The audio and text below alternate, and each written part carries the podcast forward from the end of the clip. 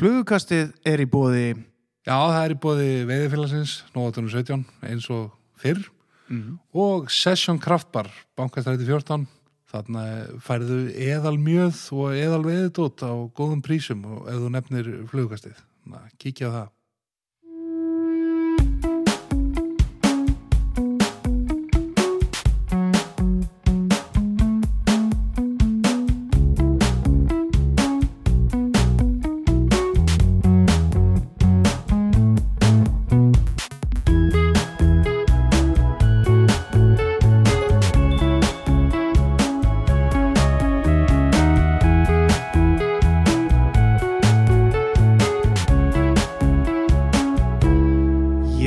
Sigþór, það er annar veturinn, við erum mættir. Anna veturinn á flugkastinu, við erum að, í alvörun að gera þetta. Þetta er bara, þetta er, þetta er rosalegt sko. Og við erum eins og þið heyrðu þaðan með styrtaraðala Jú, jú, og það er kannski þetta lifði, þetta lifði sumarið þegar Rafsteinn Það er Session Bar, bankastræti 14 Já, herru, á emitt, þeir eru með hérna uh, happy hour milli 12 og 7 12 og 7 allan daga. Og, og gott betur en það, það verður sérstakur happiðar hérna 31. oktober 30, já, herru, þá bara í næstu viku. Næstu viku, næstu fimmdag. Þá ætlum við að vera með live upptöku af þætti með mjög góðum gestum. Það verða, já, þetta verður uh, ég geti trúað sturlaði þáttur. Og hérna þeir hérna vinnur okkur fyrstpartner sem eru með Iron Fly flug nýtti ég gefna allavega með okkur. Já, að það, það, er nú eitthvað fyrir alla sérst, menn ætti ekki að hrættu það að þú sé ekki sérfræðingar að nýta flugur þannig er svona alls konar húlumhæ og svo voru það að segja mig það í dag eftir, þegar það var með svakalegt happadrætti nú er það Já, bara svona þrú átt þannig að já, þeir eru með eitthvað tróðin kassa af einhverjum flugulínum og einhverju gargani og, og við ætlum að tala um okkar styrtaræðila og eitthvað að já, já, já, já. það væri ógislega gaman að, að fá sem flesta og hérna og það verða náttúrulega tilbúða barnum og, tilbúið barndum og allt það og, og hvað er betur en að þjást saman eftir svona sumar já, þjást saman. Herðu, og svo er það hinn, styrtaraðalinn, Sigþór. Já, það er hérna veiðfélagið, nótunum 17 Her, þeir eru með okkur aftur, djúvill eru þið góðu eða eins og Brynjendal hljónið allir hefur kallar að veiði hófið veiði hófið, já. En hérna, já þeir, þeir alltaf standa með okkur í vetur og hérna e- bara erum við Gunna og, og Dotta yfirlega þakklandi verið það. Já, almáttu og náttúrulega fyrst og fremst ykkur fyrir að hlusta því að Já, herru, bara takk elskuðu vinir, sko. viðtökur síðasta vetur. Já, bara allt og góðar. Við bara eila áttum okkur ekki á þessu og hérna bara vonum að við kannski bara bætum í og, og hérna menni eftir að sjá eitthvað meira skemmtilegt í, í, í þessari þáttaröðu þess, þessum vetri hjá okkur. Já, við hérna allt feedback á nýja stefið það er líka skemmtilegt. Já, herðu, nýja stefið, herðu það maður hvernig voru að vilja það? Nú byrja allir þættir á þessu stefi. Stefið er eftir Arnar Arnar í lífs, Arnar í Vormland, Adda G. Þannig að við þökkum honum kellega fyrir. Þetta er, nú byrjum við alla þætti þannig á, á, á þessu stefi Við fáum heyrið þetta- örgleika feedback að það. Já, já, þið verða að láta okkur vita alveg endilega, það veri mjög gaman. En heyrðu, við erum konum með góða gæst Já, herðu, hann er sko svakalegur, hann náttúrulega bara, við ætlum að byrja að tala um bólinn, hann er í handból Loksins, já, þú veist ég En ég er í loft, lo, lo, Loftur Gunnarsson ból eh, sem er fyrir minningasjóðu Loft Gunnarsson sem rennur til styrtar uh, útigangsmanna í, í eh, Reykjavík Já. en hann er í handból Hann og er í hann er handbollt. í ham og þetta er engin smá gestur Það er Jón Þór Júliusson, hérna, oft kentu við Regnasa, kentu við Korpu, Já. við upprunlega Korpuljón. Velkomin í Orgi, þáttirjón. orginalli. Velkomin, velkomin Takk fyrir, takk hérlega. Hvernig- Gaman að vera með ykkur. Já, Já, bara takk, takk Hún að hlusta frá upphafi. Hmm. Æ, Já. geggja. Þetta reddar, reddar hérna löngum akstri, leigutakans, á milli landsluta. Jú, jú. Takka Svalbarsá, Já. Grímsá. Sval- Svalbás og Grímsá, Svalbás og Kjós, Þistilfjörður, Reykjavík. Það er mjög gott að geta gripið í, í flugukastið. Það er bara frábært að er geta, geta. Já. Já, Erðu, hvernig kemur undan sumri? Ég kem vel undan sumri, það er bara hérna, mér, sko, þú veist, það er búið eiginlega að ræða þetta í öllum vöðlu geimslum landsins og, og hérna, mér leiðist svona eiginlega almennt væl í þessu, ég, hérna, ok þú veist. Það er góð vöðlulikt að þessu sumri? Já, já, Já. þetta er svona, þú veist, þetta er bara skýtlélegt, ömulegt veiðisumar, en einhvern veginn, það var samt ógslag gaman, þetta var svona, reynda prívat og persónulega var eiginlega sumarið eiginlega súper ömulegt ég fór í öxlinni núna í haust þannig að þegar mitt veiðis ég svona að byrja þá var ég bara bara engjast um í verkjatöflum ykkur staðar í veiðuhúsin í Háralóns og ég hef bara aldrei lent í því á æfinni þannig að vonandi svona, veist, ég man eiginlega meira eftir því heldur en ykkurum erfuleikum í hérna í veiðinni, þannig að vonandi er það ég var hjá kýrabróttar í morgun þannig að það er búið að láta braka í öllu draslinu og Nikja er í liðin Já, ég held að maður sé kannski bara að vera gamall maður það að fara að pæla í þessu aðeins líka. Ah, fara ekki alveg á miljón bara í júni eða, eða í Rúslandi í lok mæ Já, já, reyna svona eitthvað, aðeins að koma sér á stað Ma, maður fann þetta alltaf þegar maður fór í norður á í fyrsta túrin kringum 10. júni hversu mikið blóðbra var í muninu þegar þú fórst niður slóðan í stokkilin hljóst þetta upp og niður kannski með 2-14 pundar í fanginu eða eitthvað. Það er sem betur fyrir liðin tíð að með það sem er 14 pundar í fanginu en það myndi maður bara vera axla laus eftir það. Er það kannski þess vegna sem þú ert þannig að sleppa. Þú kemst ekki upp brekkunar með fiskinu Nei, það er ekki alveg svo slæmt þó svo að maður geti alveg tekið sér á í ræktinni. En, en hérna, ég held að sleppi ástæðan kemur nú kannski að öðru.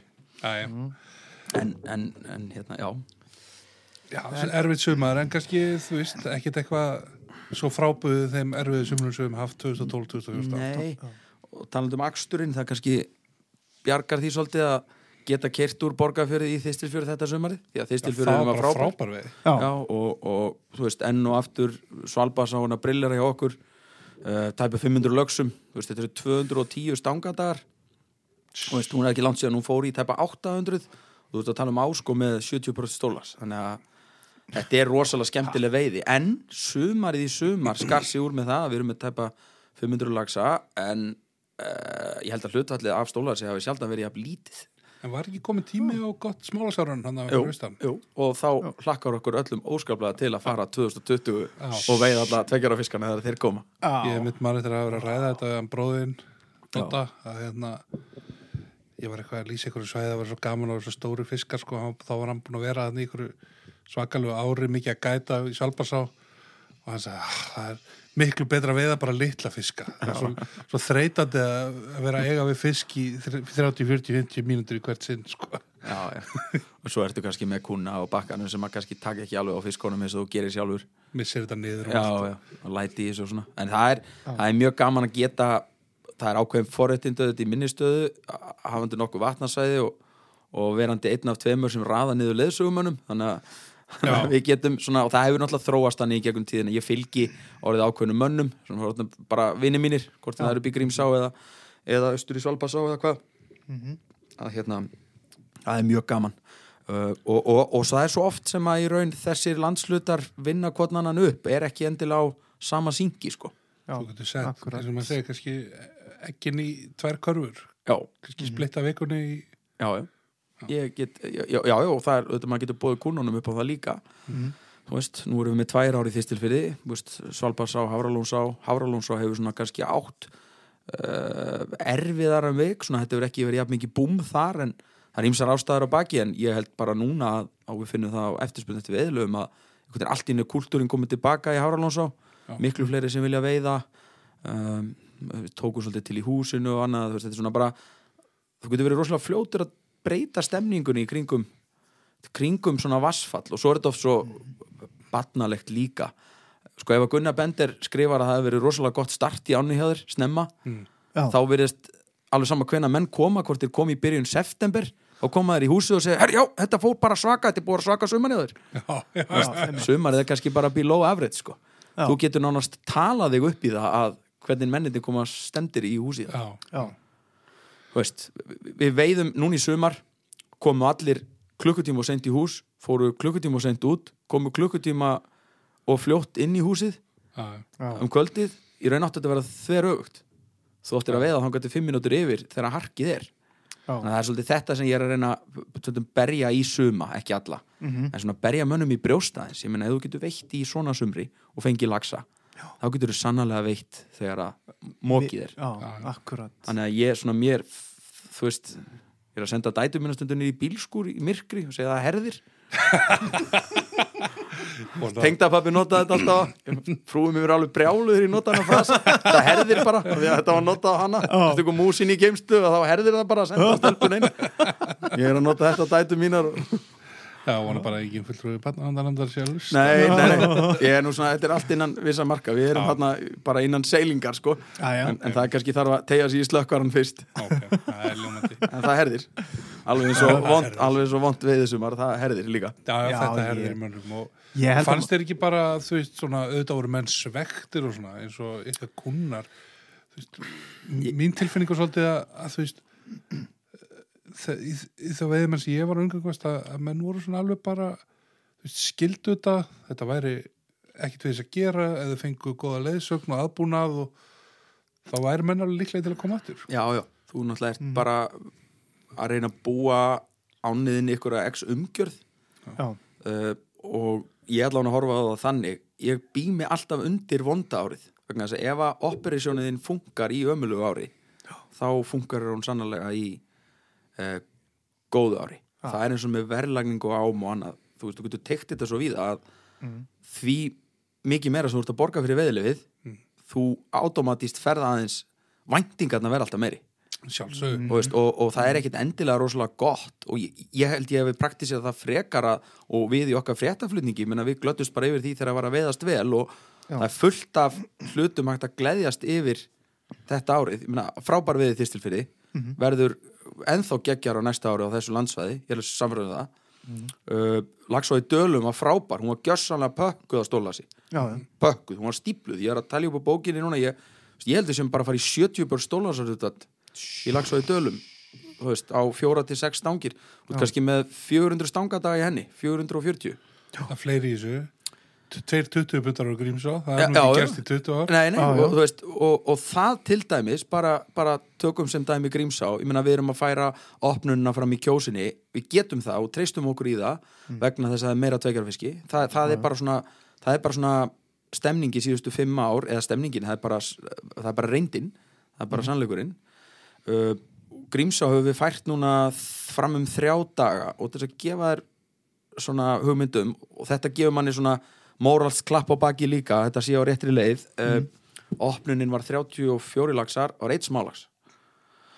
Já. og við erum að veða á fjóra stangi. Þetta er bara frábær veið, fyrsti hálfi mánuðurinn kom bara af alla smálags á land en Grímsá var langt frá því að vera slakasta áin í borgarfyrði þó svo að þetta viðmið þetta sumari sé ekki það sem við viljum horfa í Nei, þá verður eins og að vera raunsær. Þú verður að horfa á ánaðina hvað er að gerast í norður á, hvað er að gerast í kring en náttúrulega í ömurðinni sem að var borgarfjörður framan á sumri og bara í sumar þá náttúrulega heldur Já. Grímsá vatni betur og ert já. að horfa á eins og þegar á kjarra og þú veist, lagsin kemst bara ekki upp. Nei, nei, nei, já, og, og, en, en við sáum það kannski bara í byrjun júli það var ekki mók í brennu, það var ekki Já, mók já. þó svo að jökulliturinn hafi verið erfiður og svona hafi ykkur tíma nátt að vera mók í þá það áttu bara að vera koni 500 laxar að lámarki sko 5.10. júli ég eins og já. 2007 þegar það var líka svona hamfara þurka sumar þá var ég upp í kjarra og þá var þú veist þá var bara mók í brennunni sko Já, já, menn horfðu bara- þá niðrittir alveg ba- bara drullusvektir í gæta kompina geti ekki komist hanga. Já, já, já, já.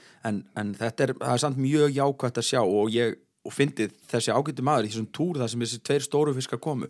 Við höfum búin að veiða alveg aragrúa fiski við 90 cm sumar, 94, 95 97, 8 þú veist það bara vantað að brjóta þennan sálræna múr. Já. uh, en þú veist, 98 cm fiskur í Grímsá þykkur og stór getur vel ná 10 kílóum sko. það er ekki, þetta er svona þessi eru metir. 98 eða 100 skipt, Gift, giftir engum máli í raun en það er gaman að brjóta þennan þú veist, metir. Já, já, það er metirinn, sko. Já, og, og hérna en uh, ég sagði við mannin sem fór að veiða uh, hann veitir nefndir ekki fyrir fiska sjálfur hann er með hollið, það er svona fórsvari fyrir hollið að, að nú bara væri komið að því. Við erum búin að sjá þess að fiski sumar nú bara væri komið að því að, að brjóta þetta og, og, og ég raun sagði ég reyndar að ná svona 27 pundara því að Grímsá var þekkt fyrir það í gamla þú veist, ef þú fer í byggalagsan hjá stanguðu fyrir Reykjavíkur þeir voru örgulega bara, ef það var ekki sóið eða stóra, þá var það Grímsá.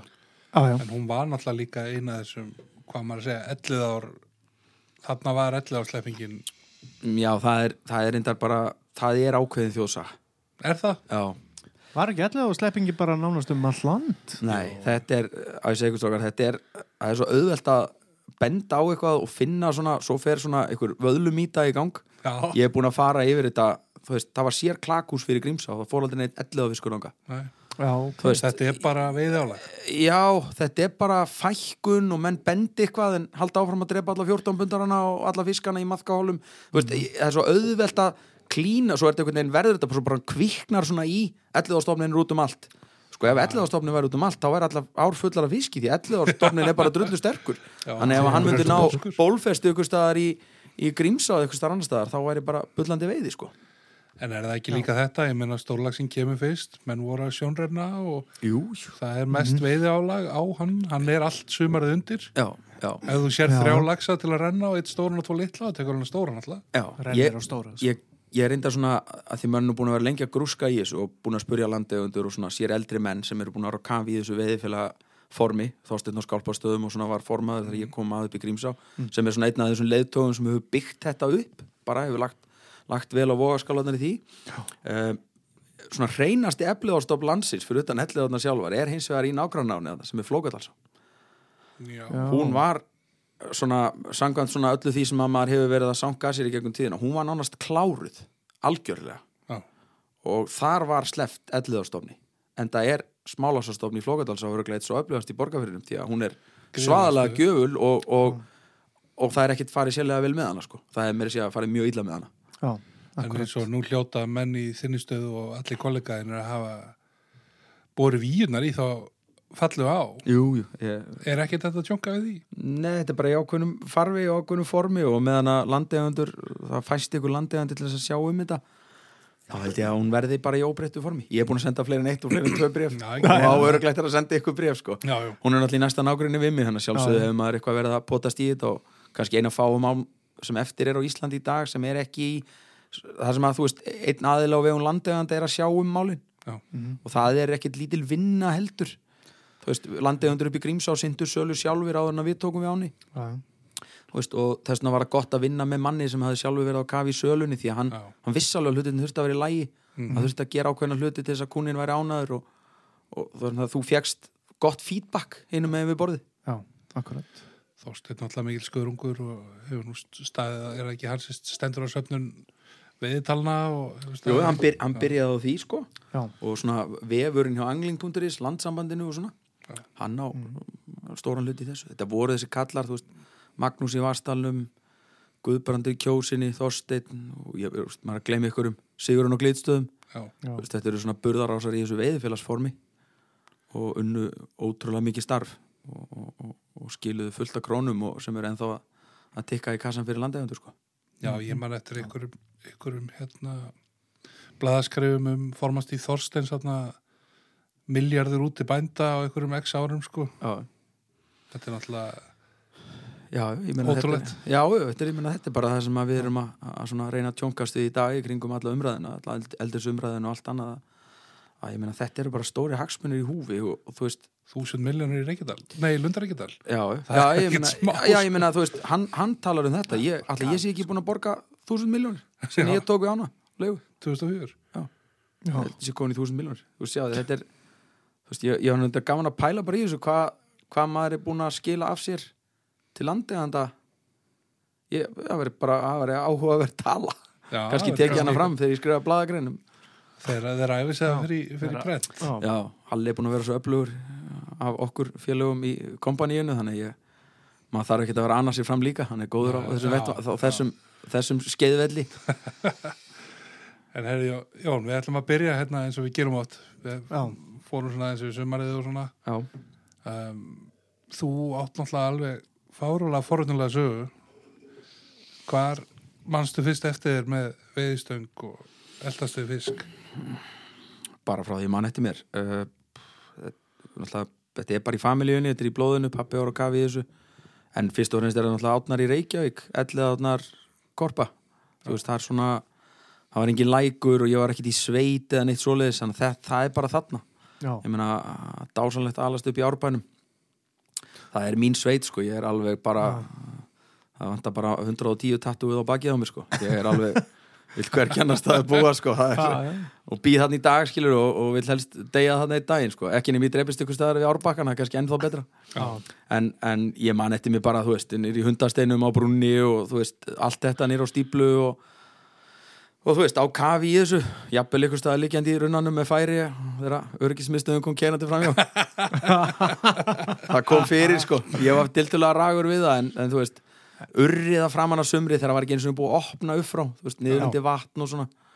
Um, og svo var ég bara lánsamur ég er svona, eh, kannski ekki meða við eins og staðan er í dag en á þessum tíma sem að ég elst upp þá er ég svona tildulega snemma tekin með Já. í, í, í dagveði túra veist, ég fekk að koma eftir hádegið upp í Lerosá þegar menn voru búin að veiða 40 á brunni og pappiðin og snægi og já, já, þetta er pappi og svetti og, og, og, þessi kallar allir þú veist, þetta er maður fekk átt að koma þér að menn voru algjörlega búin að sprengja sig og eitt þurfti kannski, gæti ekki mætt eftir hádegið þá fekk maður að flakka með. Já, en, en hérna, en þú veist, svo stundaði maður bara vötnin sjálfur líka, elliða vatn og þú veist, en, en, en maður var miklu skemur á við komin heldur en kannski, þú veist, 12 ára dútar í dag sem eru fættin að pæla í púpum, sko. Maður bara Já. með lítinn dropperspún og svona teleskopstöng og, en þú finnst alveg fiska, sko. Já, já, já, já. En, en, en, en, já, 12-14 ára, veist, eftir vinnu og maður var að hjóla og maður var ellið á dalum meira og minna alltaf, þú veist. Mannst þetta er Marri-lagsum Já, korpa, er korpa svona Já. sem ég, dreg, sem ég seti í alveg sjálfur göngubróar hilur í korpu. Já, ég held ég hafi verið verið 12 ára til ég fæ, þú veist, alveg fyrsta fiskin svo svona fer maður að fá þannig að maður byrjar að vinna og smá vasapinningur og svona sko. Og hérna, maður fór að plata ættingja sín í að keira sig keira sig hann upp frængur sem voru konum með bílpróf maður. Þú veist, tjöngaði þær í að keira sig heilan dag hann upp yfir svo Já, þegar svona maður var 14-15 ára. Þannig að það er fyrsti, fyrsti lagsin er þar uh, og svo margir eftir það uh, fyrsti svona flugufiskurinn sem er sterkur í minningun er í heiðavatni í Myrdal uh, sem ég fekk svona alveg einn á Peter Ross. Svona að fá flugustung í jólagjöf og djöblaðist og alveg að geða aukur á þessu bara fara að ná í maðkin Já, þá, kom það þú veist, en, og, og rosalega gaman og frábær staður, ég manna Já. ég var enda mjög heppinn, pappi vann yfir allar tíð unni rosa mikið og, og hérna uh, en það var rosa oft útilega. Mjög seint á föstaskvöldi eða bara upp úr Já. hátegi og lögadegi þú veist, einn, tveir sólaringar og þetta var Selvallavatn, Snæfellsnes uh, Haukallarsvatn í Dölum stundum og svo þarna mjög oft bara þrumað og vík í Mýrdal sko. Heiðavatn ok. heiðavatnið, já. Já. sem er geggjaður staður fyrir, ekki, fyrir þá sem ekki hafa komið sko. alveg bara já, þetta er já, er alveg, og frábært veiðivatn sko. algjörlega sturla, það er ekki bara vassáin vatni sjálft er alveg geggjað sjóbyrtingur og urrið, bleikja og Já, lax já, já. Þetta var lokað alveg heilengi við það ekki Þetta var, Nei, nei sko, sko, þetta, þetta er í raun ekki loka þetta er kannski bara selt öðruvís í dag Já. þarna keftur þú bara, þú veist, túsund kall bara með akkurat. sko. já, já, já, og voru margir að veiða en þessu, þessu kannski breyst eftir breytt eignarhald já, já. þú veist, nú er vatnið selt sem, þú veist, ykkur fjóra stangir með ánni og eitthvað svoleið, sko, þetta er öðruvísi Mhm. en, en auðvitað kannski heftur aðgangur ég meina það er, það er ekki sami aðgangur almennings og var, sko Nei, það nei, er nei, ekki bara bensinstöðin í Vík og Nei, nei. ein- eins og kannski víða ég meina, þetta er selva allavega, ég fannst nú alveg skelvilegt hvernig þið löðu veg þar niður þetta var flott campingplay, sko Já, mjög já. gaman að rölda það vatn og veiða hellingableikju, sko Mhm. kannski ekki stóri fiskar en, en, en rosalega gaman, sko þannig að það var tjaldvagnin fyrir mér var bara, þú veist, vasadiskóið á hausinn og Já. keira með gömlu aftan í pæjarónum og svo bara, svo var bara farið og, og svo var bara veiðstungin, sko Já. já. ok, og hérna svo er svona alltaf eitthvað vendibútur fyrir veiði með þegar þið fá bílpróf. Já, og þykist nú vita að það er nú verið eitthvað já, bara eitthvað, eitthvað, eitthvað sjóið hjá þér. Þú er náttúrulega svo, ég held sé ekkit úr dalinu upp í mikil veiði fjölskyldu pappin, mikil Já. veiði kall og, og hann og, og fleiri og mikið hann í leirarsveitinni þú ert kannski ekki í nútíð en svona í fortíð þekktur fyrir ágætis færni með, með re- reynslu sökuna og hérna já, að beita í kvítrusið. Varstu þá bara óstöðand út um allt að að renna eða? Hvernig? Já, svona Reykjavíkur átnar, það var alveg klálega það. Ég var alltaf í, ég var svona, þú veist, ég var virkur að vinna á sömri, svona ólstufi það að þurfa að standa mína plikt og, og sem betur fer. Þannig að svona, ég var alltaf að vinna, en, en þú veist, ég meina, ég nýtti alla daga sem ég komst yfir í elleðanum og þú veist, Já. svo fór maður í korpu og þetta er náttúrulega, áður en maður kemur að henni eitthvað sjálfur, sko. Já. þannig að það var, þú veist, Leirvóksson voru dýr, þú veist, maður frekar fór fjóra dag í korpu heldur en eitt þar hún var komin á þann stað, var að gefa vel og svona vel sótt í hana og náttúrulega sem aðila stanga á þeim tíma þá komst maður í gegnum félagatalið og, og skila aðleifunum þangað sko eftir bílprófi þá svona maður alltaf kemur að korpunni sjálfur maður fór alltaf sína dagi ellið þarna svo fór maður að stunda, svona fyrir hálfgerða tilviljun stunda stóru sem spóla. Já. Þú ert hérna þú ert að það er rétt honum átján ára gamall þegar þú ert titlar leigutæki að, að Já. korpunni Já, þetta kölluðu nú korpuljónu hérna í kynningunni já, en- já. Já, ég er Jón Korpa í hansi mörgum símaskrám en það fyrir þá menn sem voru komið GSM síma á þessum tíma. Nákvæmlega, þú veist, hva, hvaða ár eru að tala um Jón, svo við getum staðsetta já, þetta er náttúrulega ótrúlegt. Já, ég 18 tek, við, ég tek við ánni 99 ég er fættur 81 sko. Þannig að þá var kannski ekki beilis verið fyrsta sumari mitt, þá var ég ánni legutæki 18 ára. Í gegnum að vísu félag sem hétt Regnasi, EHF Já. uh, og svona e, algjör tilvölin við bara endur skoðandinn og pappa sagði að það veri skynsalega að hafa svona rekstur í félagi heldur en að vera með eitthvað 18 ára mann með startkortið hjá sparisjónum þú veist, það væri svona betra betra uppeldi að, að þú veist, vera ekkert að kerið í gegnum tjekkarengin á stráknum sko. Já, já. Uh, það geti farið í veiðbúnað eða eitthvað slíkt sko. En, en, en þú veist, þá var þetta bara þá lærið maður, þú veist, kannski að bera ábyrð á félagi og kennitölu og svona þó maður hafi í raun ekkert kunnað á það sko á þeim tíma. Nei, nei. Segðu mér annað, þetta, þetta nafn, Regnasi Já, ég, ég hef oft leitt hugan að þessu. Já, ég hef séð þessu bregða fyrir. Já. Hvaðan, hvaðan er þinn Regnasi Minn regnasi er, er eins og forfeðunir eða, eða föðufjölskyldan uh, sko, kemur öll undan jökli, Snæfellsjökli. Já. Snæfellsnes og undir jökli er, er fjall uh, eða rani svona sem heitir regnasi Þetta er svona skapast hefði fjölskyldin að sækja nöfn á eignarhaldsfélögum þangað og ég var bara með kortið fyrir fram að mig og það var alls konar nöfn, þú veist og maður hefur séð nöfn síðan en ég veit ekki, þetta er eiginlega bara algjör tilvílun og þetta var aldrei hugsað sem sko nafn á átvettir, en þetta eins óþjált eins og hægt er sko. Já, þetta er þú veist, en, en það hins vegar hefur þegar að við svo á sínum tíma förum svona að getum við sagt byrta nafnið heima síðan er þetta og annað slíkt Já. þá er það hins vegar alveg klárt að við skerum okkur út.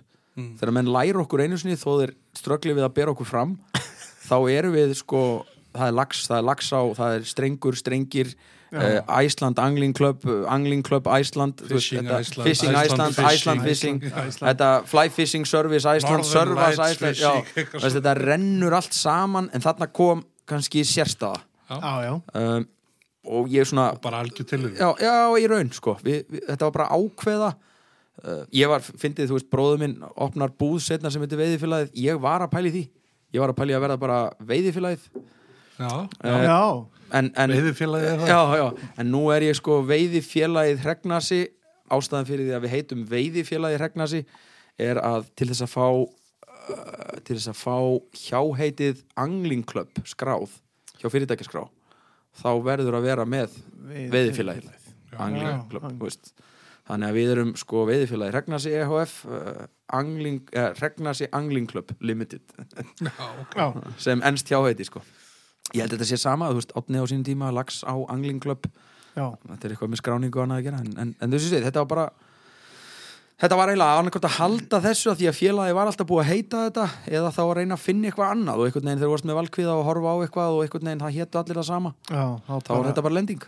Ok, þú ert þarna late 90s nýkom með bílpróf, kom með korpu byrjaðir að renna flótoltið undir alla bakka hann upp í Úlfarsárdal Já, ekki tellitis flótolt, ég hef kent það mjög snemma. Já, bara, já, bara, bara straumsakka. Já, já, já, bara strömsakkan og, og sjáan og, og svo var bara kolgæti aðferðin Já. bara tampustuð á þannig að þau þurft að geispa Já. það var bara slaki í hendinu og já, já, já, Já. það er bara hérna, þetta er bara, bara uppeldi sem maður fekk og, Já, já. og svo þegar maður er komin þarna náttúrulega öll sömur, ég mætti þarna alla mótna áður en ég fór í vinnuna, þú veist, bara 6.40 og, og það eru margir úlingar sem hefist miklu betra að sofa heldur en að mæta upp í korpu en þú veist, ég, ég upplifði það aldrei á mínum úlingsárum að veiði á hinn sloknaði, sko hann þú eiginlega var ekki- mannískari Ekki töffara árin. Hérna, Nei, ég var örgulega með fullt af töffar árum en ég, Já, veist, ég bara veiði já, ég meina ég var þú veist, sem dettur út. Já, ég sapnaði í körk og bein hár og allt í þessu bæki skilur en ég, ég mætti samt upp í korp á mótnana sko, í nýrvanabólum en, en nei, veist, þetta er og, veist, og svo verður þetta bara svona hálfpartinn manískara held ég, ég hérna ég veit ekki hvernig maður getur líst þessu. Þetta, er, þetta verður þarna, þú veist, berandi ábyrð á onni mér fannst það rosa svona, þú veist ég vildi gera vel Já, og svo svona kannski byrtist um, þegar líður á en að legutakaferil þá hætti ég að fara upp í korpu og drepa 25 lags á dag sko. Þó ég vissi nákvæmlega hvar þessir 150 lagsar voru í ánni bakið hvaða þú og bakið hvaða stein sko. Já.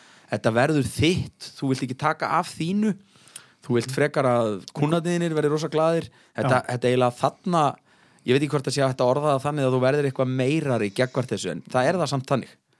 Þú eiginlega sko þú veist þarna sleppti ég mínu fyrsta lagsi þarna fór ég að hugsa um það og velta því fyrir mér í alvöru að sleppa fiski uh, hvort það væri rétt að vera að drepa fiskin einhver staðar þegar þú horfður á menn drepa hann einhver staðar upp í stípluða fyrir ofan þjóðveg og svilinn lág úr honum og skilur þetta er Mhm. þú svona horfir á þetta og hugsa hvað anskotanum erum við að gera hérna sko.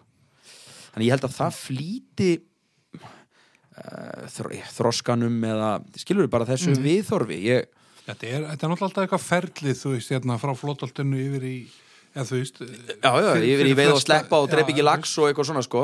Þetta Ég, ég tek flýtir alveg fyrir því ferli. Já, já, algjörlega. Ég held Já, að já. þetta bara Ég held að, veist, kannski er trókafullt að tala um eitthvað þroskastig en þetta er það samt, sko. Þetta er, ábyrgð, þú, Já, þú sýnir ábyrð og þú hugsar um aðra hluti heldur en ykkur veiðumæður sem er að fara mæta daginn eftir. Þetta er bara, það gerist automatist, sko. Já, já. En það er náttúrulega líka öðruvísi, þú veist, að vera mættur upp í korpi 640 alla mótna eða vera kannski að láta sér hlaka til til eina dagsins í sumari þar sem þú mætir og þetta er þinn dag Algjörlega, þú ert svo mikið í kringum þetta sjálfur, þú, þú verður bara, þú veist, partur að þessu alveg eins og ert í dag í þessum ám, þú veist, ég, ég tiltölega snemma þurfti ég ekkert að sanna fyrir mér að geta dreipið marga lagsa í korpu, sko. Nei, Það er svona, fer bara einhvern veginn inn, ég, þú veist, ég, drap alveg nósamt, sko.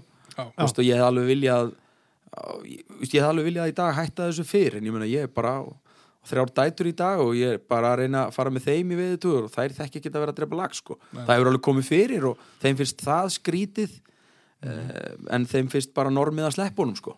þær eru ekkert að velta því freka fyrir sér sko.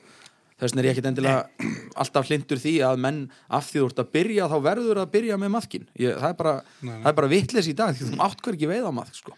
ég meina, ég veit minn fyrsta lags á flugu er í meri nr. 16 í þínu bóði í, í, Korpunni? hérna, í korpunni, stífni að ég keft mér fyrir einhverja dósapenninga eða eitthvað daginn eftir og já, Jón Þór sagt mér að fara miklu frekar núna þegar það verður eitthvað miklu verra við eða betra viður öllu heldur en verra viður Já, daginn eftir. Akkurat.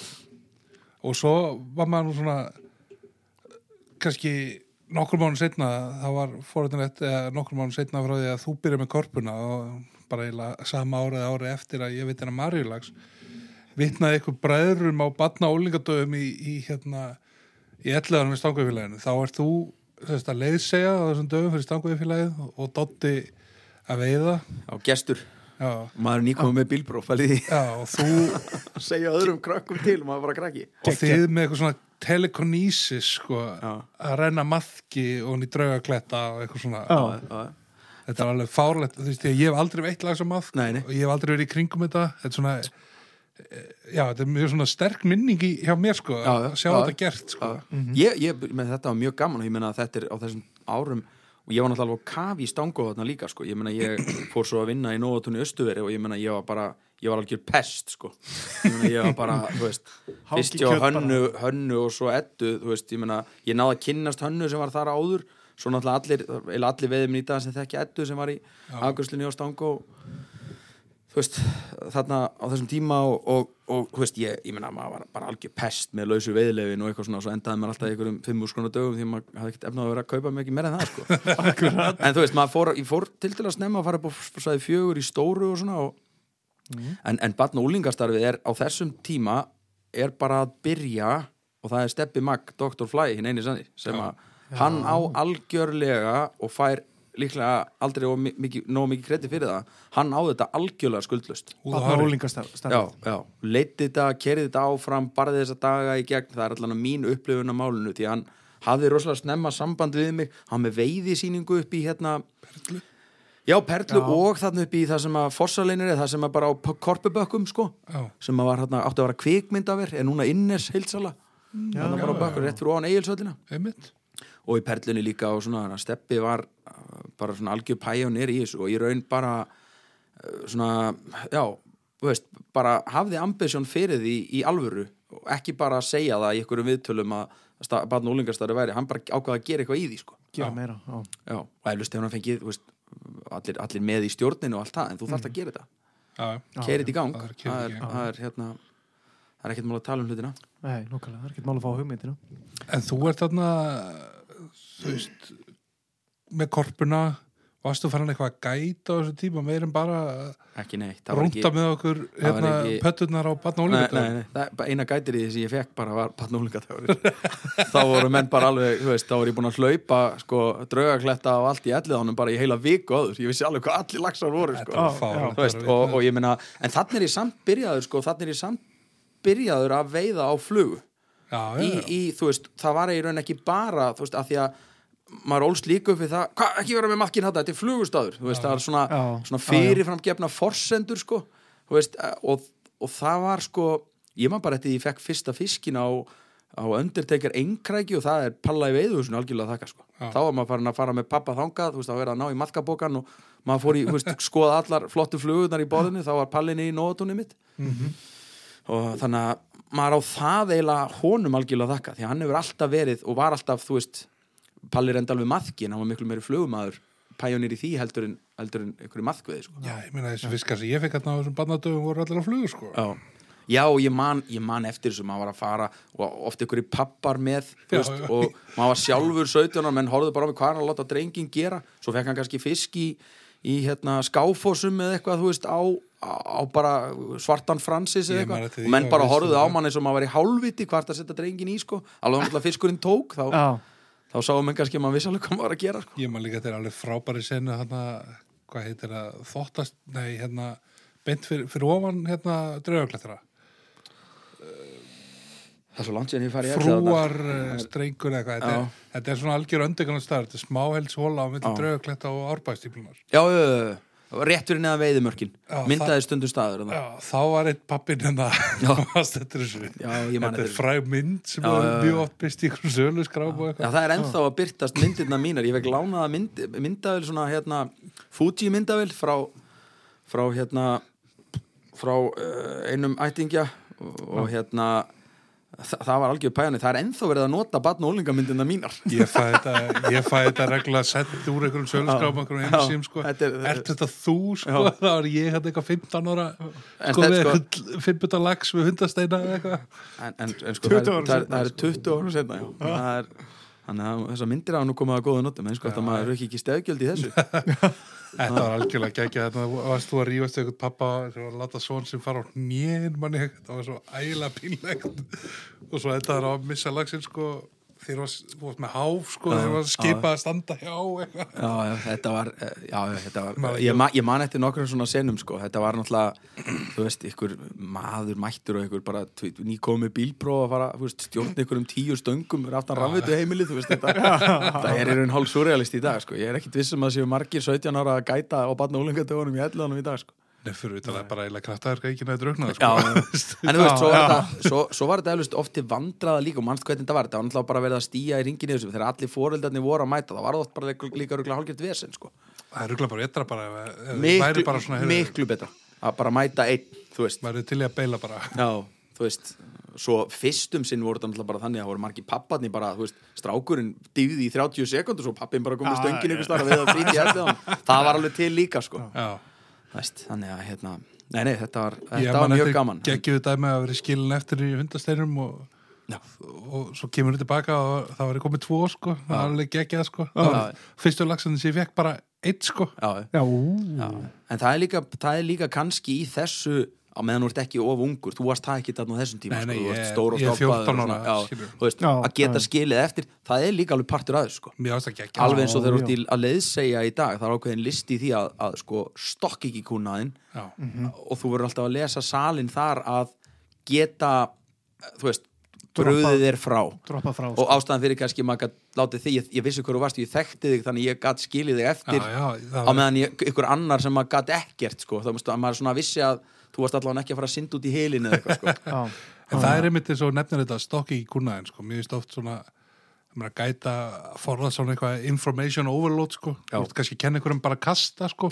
já, Og hann á bara alveg nóg með, hérna, 10-12 eða, eða 10-2 eða hvað sem, 11 til 1 eða hvað sem við viljum kalla það, sko. já, já, Og, og þá bara oft svona þetta kannski bara fara upp í bíl og, og veist ekki, bara ekki vera að horfa á hann þykjast vera að taka eitthvað símtali eða eitthvað og hann svona fáið smá confidence í staðan fyrir að þú setja í hverju kasti að setja já, eitthvað út á hann. sko. já, nei, nei, aðeins svo nei, nei, svo, já, já, svo bara að lesa þetta og svo bara eins með vana veiðum en sumum finnst bara, búin að vera eitthvað staðar í Stórborg allan veturinn og innan um mannskala bara dásanlegt að standa eitthvað staðar eitt með stöngina sko, þú veist, þetta er svona þú, það er partur að þessu bara þegar þú, þú hérna, svo lærir inn á menni þú ert búin að vera með þú oftar. Já. En, en, en það er sama í þessu. Þú, þú kannski þarna varstu bara að gefa krökkunum nasasjón að þessu þú veist, fá menn til þess að skrá sig í stangu við félagi, sko, þú veist, það var líka bara stórþáttur í þessu. Fleiri Já, góðu menn en ég man þetta er líka Ara Þóruðar hérna í hreint hann Já. var hann já, já. Ari var í fræðslu Hann var í- fræðslu ráð eða sko líka. Það- þeir náttúrulega komu inn í þetta og já, já, fullt af, fullt af flottum köllum sko Þarna ertu orðin átján og, og Já, byrjar að hérna hann ertu Já, kannski bílpróf í 1-2 ár sko, Já, maður er já. kringum tvítugt. Já, svo hérna þeir eru með þetta félag Regnasa og er það ekki rétt hjá mér? Þú veist svona næsta dæmi sem gerir eitthvað með þetta er að þeir eru bjóðið í Grímsá Jú, 2004 jú, það er bara það er bara útbóð og grímsá og sunnudasmókin heima og, og fá gamla að skrifa undir ábyrðina já, það, er, það var svolítið svoleiðis bara. Þetta var náttúrulega menn vissi ekkert hvað þeir voru að gera. Það, veist, þú getur alveg sagt það eftir á. Ég þú veist ekkert hvað varst að fara út í sko. veist, þetta var bara ég- þá reyndir að ég fengið að gæta í fyrsta skipti hjá stangauðfélaginu að einhverju viti. Mm. 2004, ég man að pappi náttúrulega hafði þekkt átna bald og þetta er 2003 að fæði símdal frá átna vegna þess að ég hafði náttúrulega verið heimagangur í stangauðfélaginu og uh, Stangó hafði tekið korpun inn í söluskrá fengið svolítið að dögum hjá mér. Já, voru með svona Já. umbóðsölu já, já, voru bara með umbóðsölu og veist, áinn fúttar verðan inn og, og hérna, ég var með fastakúnahóp og svona einhverja daga í lausasölu og ég man að, þú veist, þetta var bara svona einhver lending, sko. Þú veist, þetta kom eitthvað upp og þegar maður var hérna alltaf og, og svo dettur hún þar inn í söluskrám og svaka stoltur að sjá sprænuna sinni í söluskráni á stangu og sjá svona tímar þetta útgáfa á þessum tíma, sko. Já, þetta var Svo mann ég, ég held þetta hafi verið 2003 þegar Halli Eiríks er líklega að vinna hjá stangu ég vona, ég, nei, hjá Átna Laxá. Bald, Já. Lagsá, ég held held að ég sé að fara rétt með általi þetta verið 2003 þá fekk ég hringingu frá Átna alltaf frændu mín er búin að vera að veiða með Átna og, og þekkt hann frá bara hans tíð í kjósinu og svona. Fekk ég símdal frá Átna eitt hausti þar sem að segja, Jón, fáðu fund ég fer upp yfir á fund á mér bóði sko gæta staða og Átni sannst alltaf að kaupa alla korpun á mér, bara einasta dag. Ég geti sint henni svo ég vil og, og, og vildi bara fá mér að gæta. Þetta var eitthvað svona erfiðasta erfiðasti fundur sem ég hefði farið á á þessum tíma maður, það, það var alveg bara það var alveg hræðilegt hérna. Þú veist- náttúrulega ekki séð þetta fyrir og ekki verið Nei, svör og reyðum höndum nei, nei, nei, alls ekki, ég var að fá sólarengi ákveð þetta og svo mann ég held ég hef heyrt í Halla og svona, maður kannast við hans síðan að Halli var í opnu húsonum og svona og, Já, já. og hérna það var rosa erfitt en, en svona stangó elementið í manni var svo stert að maður gat ekki þú veist, maður gat ekki farið að, að, að vinna fyrir lagsá eða vinna með lagsá á þessum tíma. Þú veist, og þetta er svona mannst, þetta er pólitíkin þetta er öðruvísi Já, já. tími. Já, þetta er öðruvísi tími, ég meina Á- Árni var ábyrrandi svona samkýr, stóri samkýrnis aðili félagsins á þessum tíma og, og, og er, og, og er bara pæjonýr, ég meina Árni Baldi er basically alveg nákvæmlega eins og ég sjálfur er í dag. Þú veist, fyrir átna þá er þetta stangó og svo er þetta, þú veist einhverju business kallar með einhverja eina á. Já, veist, Palli, sporð- já. Palli Polaris er, er, er, þú veist, hættur að neila á þessum árum. Uh, þú veist, hann var náttúrulega hana, sterkur með ár, svo var þetta, já, eins og þú segir þetta voru svona viðskipta ángar þú veist, þegar á kjarra var svo tenging Jón Ólafs var Vastalsáin var, þú veist, þetta voru á þessum árum er að vísu, jú, Binn og Gestur Lón, Já. SF þeir eru, þeir voru Vastalsá, Já. Já. ég man að Brynjólu saði mér eitthvað tímann að því hann, þá var hann gammal handbóltamaður ég man þetta alltaf, hann saði mér að því hann hefði spilað í númer 13, hann var með Vastalin í 13 ár Víðudalin í 13 ár og Dalin í 13 ár bingo Þannig að þeir voru líka, þeir voru svona nokkuð nokku ábyrjandi í þessu og, og, og nokkuð sterkir sko, með fullt af góðum kunnum, gömlu mm. kunnum og svona sko. Mhm, mhm. ég er náttúrulega bara man, man ekki, þetta var bara búið þegar ég Já. fremdist skilur Já. en Já, já, þú, þetta- þú ert þetta er- búin að fá hérna, tilbúð frá hana Já. þú ert stangómaður Já, já, ég gæti ekki farið þetta. Bjarni Ómar á formaður þá, það var bara fundu daginn eftir, þannig að veist, við höldum okkar sastari áfram og, og getum alveg pottitt komið yfir í ykkur að leiðsögn, því að þá var svona hugurinn farin að leita í að, að fá tækifæri. Og maður farin að veið í norður á sjálfur og, Já. þú veist, svona fá breykið. Já, þetta svona. já, og, og rúmlega það, ég meina það var brjálaður áhugi, þú veist, ég var að gæta í Stórlasa og þá bara, þú veist, tjaldaði ég og þegar ég fekk að gæta þar í fyrsta skipti þá fór ég bara í, á svæðið og lappaði það bara í tvo daga áður en ég gæta það, sko. Þetta var algjör, ma- maður var algjörlega manískur, sko. Þannig að, þú veist, þetta var en það var miklu erfiðara, það var erfiðara að breyka þá inn í gæta samfélagið heldur en það er í dag, ég man sko, Er það? já, já það er ég held sér miklu erfæðara já. Því að hérna, þú fjekst ekkit breyk, það sko. var ekkert Nei, hérna, nei, nei. þú varst ekkert hérna með eitthvað social media eða eitthvað svona Nei, vissulega þú komst ekkert að þessu fólki. Nei, nei, komst það ekkert á frambæri Samt var pappi, þú veist, hann þekkt þess að kalla En ég meina, þú- þú ert bara alveg eins og staðan Alveg eins og ég er þegar ég er komið grímsálegu Ég meina, fyrsti maður á blaði er Dotti bróður Og hann er ekki eins og komið bílbró, sko. Já. Þú veist, hann er, hann, er, hann, er, hann er bara lánaður í bílinn hjá fólki, sko Sem var algjörlega ósælberga Og ég sá að það myndi aldrei fá lag, sko Eða hafði svona óttaðist það, sko. Þannig að hann lendir í algjöru forréttinda stöðu í raun að hann er komin á kaf í þetta af því að hann er í þeirri stöðu sem hann er að vera bróður minn og sonu pappa sinn sko. En ég man bara eins og, já. þú veist, eins og hvernig ég kemst inn í gætiri á þessum tíma, þú veist, er bara því að pappa hefur verið kokkur í það. uh, þú veist, og allir gætarnir voru annarkvort tengdir leigutökurum eða landeigjandarum, skilur Já, og það, það var bara þannig ef þú varst ekki Það er náttúrulega líka kunnóta í veiði, sko. Nei, nei, ekki- nei, Nei, nei, veistu að ég held að, ég held að Ah. það hefði skipt miklu, miklu, miklu minna málið þarna. Nei, nei, nei. Þetta var miklu meiri pólitík, þú veist. Það var líka þannig að menn voru oftar á þessum árum, það var meiri áhugi, þú veist, fólk var lengur heima hjá sér, lokal fólk. Já. Þú veist, það, vo, það var einn 19 ára frá bóndabænum eða tvítur sem hafði smá áhuga á veiðu og var búið að koma honum inn í þetta. Það voru miklu fleiri þannig. Þetta er bara horfið í dag.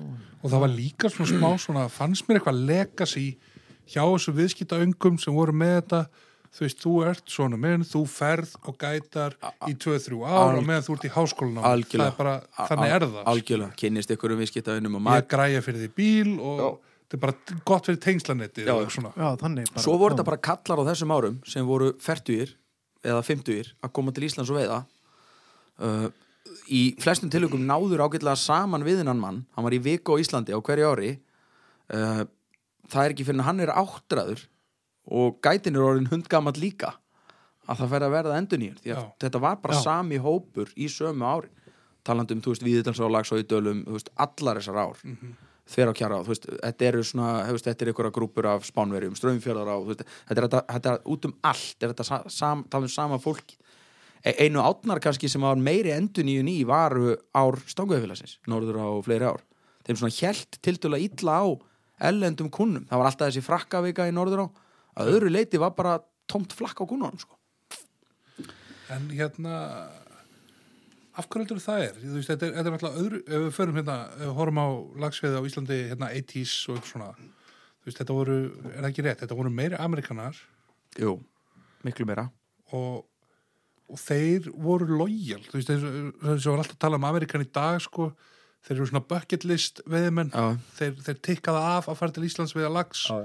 Svo næsta ári er það bonefish eða permit eða Já, ég, ég heldur reyndar að, að saltwater búmið í heiminum þú skoða bara frambóð á áfangastöðum í Þetta þá fóruð þú því að vera tíu í kannski 1000 í dag. Eh, þetta er líka ákveðin keppni svo verða menn búnir með saltwaterið held ég á undan áður en er kannski fá leiða á lagsveðinni eða ferskvarsveðinni en almennt er þetta bara frambóð á afþreyingu hvað að sé búið að byggja marga gólvelli í heiminum síðustu 30 árin? Já, já. 3000 smá, eða miklu meir en það? Ég veit ekki, þú veist, bara- frambóð af þessu uh, bara veist, það er kannski klísja að segja social media og eitthvað svona allt þetta dót. Það, það er bara frambóð á afþreyingu er bara stjartfræðilega mikið munu meira. Já, já. og það er annað þessu líka talandi um viðskiptafinni og því að við erum með auðlind sem er takmörkuð, það er takmarkaði stangafjöldi í Þverra og Norðurá og Grímsá og Kjósinni og alls þar þannig að þú bætir ekkit við þetta Nei, nei. en uh, þú hefur hins vegar bætt við frambóði á markaðin í ytri ranga og eistri ranga og uh, hólsá, tungufljóti breytalsá, uh, jöklu kannski núna í síðustu árin. Þú er sturtað inn á markaðin 10.000, 15.000 stangatugum sem voru bara ekki til Nei, já. þeir voru allir að reyna að koma að staði í þverá eða Já. uh, norður á eitthvað annars það sko mm veist, þannig að þú ert líka búin að stór auka frambóðið á Íslandi já, já. þetta er ekki smá stangardaga fjöldi sko, bara, sama tíma á heiminum við minkað og já, fólk er farið, þú veist, að fara til nýja sjálflands að við A- selum allt- og allt saman. Argentínu og já, já. allt saman og það er, þeim fer auðvitað fækkandi þessum prófessorum og þessum svona típum sem að maður hefur svona blessunarlega náða kynnast áður en er bara deyja út sko. menn sem að fóru Nýjasjöland, Argentína, Seychelles Kanada, Rússland Ísland, þú veist, þetta Já. var bara dagatalið var bara svona sko. um, veist, ég veit ekki það er allt brjálað ef maður segir svona, veist ég veit ekki hvort að nútíma konan hleypið þér í svona ferðalag stannir í Ameríku sko. að því að, hún gerir þetta líka og hún kemur með, það er kannski fáralegt að segja svona klínis okkur konur en eh, þið veitir, þetta er, þetta er Já, svo er- heimur. Já, þetta, er, þetta, er, þetta er sko þú veist, minna, talaðu við sjötu að manni Já, í dag og menn hann bara að taka konuna með segðu þú bjóður henni. Þessi menn alltaf bara ólust upp í svona þessum, eh, hvað kallum við, matmann já, já, heimi, þetta, þetta er bara nákvæmlega þannig. Er svona þetta er bara þannig, þú ert ekki að taka konuna með í veiði. Nei, nei, þú veist, en svo eins og þar varstu með konur, veiði konur sem að skildu bara helst kallin eftir heima. Þær eru bara, voru alltaf fáar veist, Lilla úr Nesi veist, ég var að skoða hérna bókina Fishing in Iceland, hérna Mike Já. frábær bók. Þar er hún mitt í dölunum, alveg í svona stórlags á holli, sko það er hún, ég var með konu upp í Grímsá sem veitti alltaf bara, þá var nýrað, gat ekki flóið meira. Hún kom frá Denver. Já. Joy Hilliard hétt hún, ég svona náði leifunum að þessum kunnum sem leigutæki. Svo Mm. bara er þeir, bara því miður langt flestir bara hortin yfir móðuna miklu sko. Já, maður lendi í einhverjum svona Lords and Ladies hópum og eitthvað Já, þegar maður var já. að byrja en, en það eiginlega bara það dó með og maður, getur maður ekki sagt það Jónþór, þegar, þegar íslensku fyrirtækin eftir engaveðingu koma og byrja svona að kaupa þetta upp Jú, en ég held samt að, að þú þeir þú, þú hefðir það var óhjákvæmilegt Já. þegar þeir voru ekki búin að þeir voru ekki að taka sinni sína með að dætu Nei, eða, þetta er, þetta er sko ég held að fyrirtækja kultúrin hérna, sem að kannski, þú, þú veist eins og allt í þessu runi fyrir eitthvað óverið topp það samt sem áður þetta, er, þetta var byrjað, þetta hefði gerst. Mm veist, fækkunin var komin. Það sem gerist bara að þú ert með gjaldmiðil sem að sko fer í sko, þú veist, Já. kanin fær 60 krónur fyrir dollaran. Þú veist, þá allt í hennu bara þá meiri samgefnu vatnasvæðin. þú veist, ég var sjálfur byrjar að bjóða í svæði þarna og voru fleiri byrjar að bjóða í svæði verðin voru að fara upp. Á meðan að dollarin fór úr sko 100 kallin í 60 þá bara hækkar veðilegu um 40% Já. og það bara, veist, fyrir einhvern kuna sem var búin að koma og þá fer ykkur vermið út á markaðin sá sem grípur stöngin á þessum verðum var bara fyrirtæki. Já, ef að fyrirtækin hefðu ekki verið inn á markaðanum þarna, þá hefði eflaust verið meiri stilla á útbóðsmarkaði til dæmis eða meiri hófsemi í bóðum í þessar ár, ég efast ekki um það.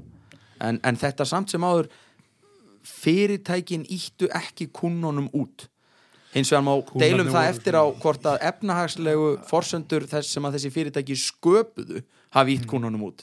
Af því að eins og ég segi, þeirra gjaldmiðil verður bara velöð skakvart henni, henni miklu íslensku krónu. Já, já. Já, já. Þannig ég- Já, já. En þróunin var byrjuð, fækkunin var byrjuð, veist, þessi þróun var byrjuð. veist, þessi hól sem voru að byrja hérna 1980 með mönnum sem voru svona konur setnipart æfiskeiðis og áttu nú á peningum til að stunda þetta eru sko e- eftir 2000 þá eru þeir bara orðnir 70 plus Já, já, og eru bara farin að detta upp af já, og, já, börnið þeirra svona hafði alveg gaman að þessu en gerðu þetta í 20 ár og einhvern veginn eru búinu með þetta, did og that, þau lifa og- líka bara í öðrum heimi þar sem Já, að- já, þau, þau bara lifa í allt öðrum heimi og veist, kasta sér út úr flugvelum eða gera eitthvað allt annað, skilur, Já. öll afþreying, þetta er, þetta er svo fárálegt frambóð, sko. Já. Það er bara, en þið og, og svona fjölskyldu gildin, veist, þetta hefur allt breyst frúi mín vinnur úti veist, mamma vann en sá samt um okkur fjögur á heimilinu veist, þetta, það hefur allt breyst í þessu þetta er bara þú veist, sumt til hins verra og sumt til hins betra maður, maður saknar rosalega svona þessa geðveiku veiði kalla sem bara hugsa jafn mikið um veið og maður gerir sjálfur sko. Já, Þess, ég myndi alveg vilja hafa fleiri svoleiðis en ég held hins vegar það sem auðvitað fyrirtækjahólin eða, eða þessi góðærishól gerðu þau byggu hins vegar líka til veiðmenn það er reyndar, ég er alveg samanlega já, já, eitthvað náttúrulega sko. Já, fleiri en held ég menn gera sér grein fyrir ótrúlega marga. Ótrúlega marga sem að hafðu aldrei kvartlað að Þú veist, gáttu við alla lappað í maður sér suma af þessum mönnum en þann dag í dag, menn get ekki lappað í möl sko. Nei, nei. Þú veist, ég, ég er ekki að tjóka, þú veist, menn bara eru búin að lappa á jafnsléttu bara alla æfi, svo koma við bara einhvers staðar út í þúfur og detta bara Já. hver er mann og þeirran, sko, það var ekki að því þeir eru svo fullir þó að það sé rosalega svona mikill frasi í Já, kringum góðar í solin, sko. Já, já. Ég held að oft á tíðum hafa þeir bara verið svona valdir á lappirna, sko. Það er kannski Bellir og svelli Já, þegar yngur hafa bara út um og þá, þá, þá, þá sá hann það bara dett út um alla móa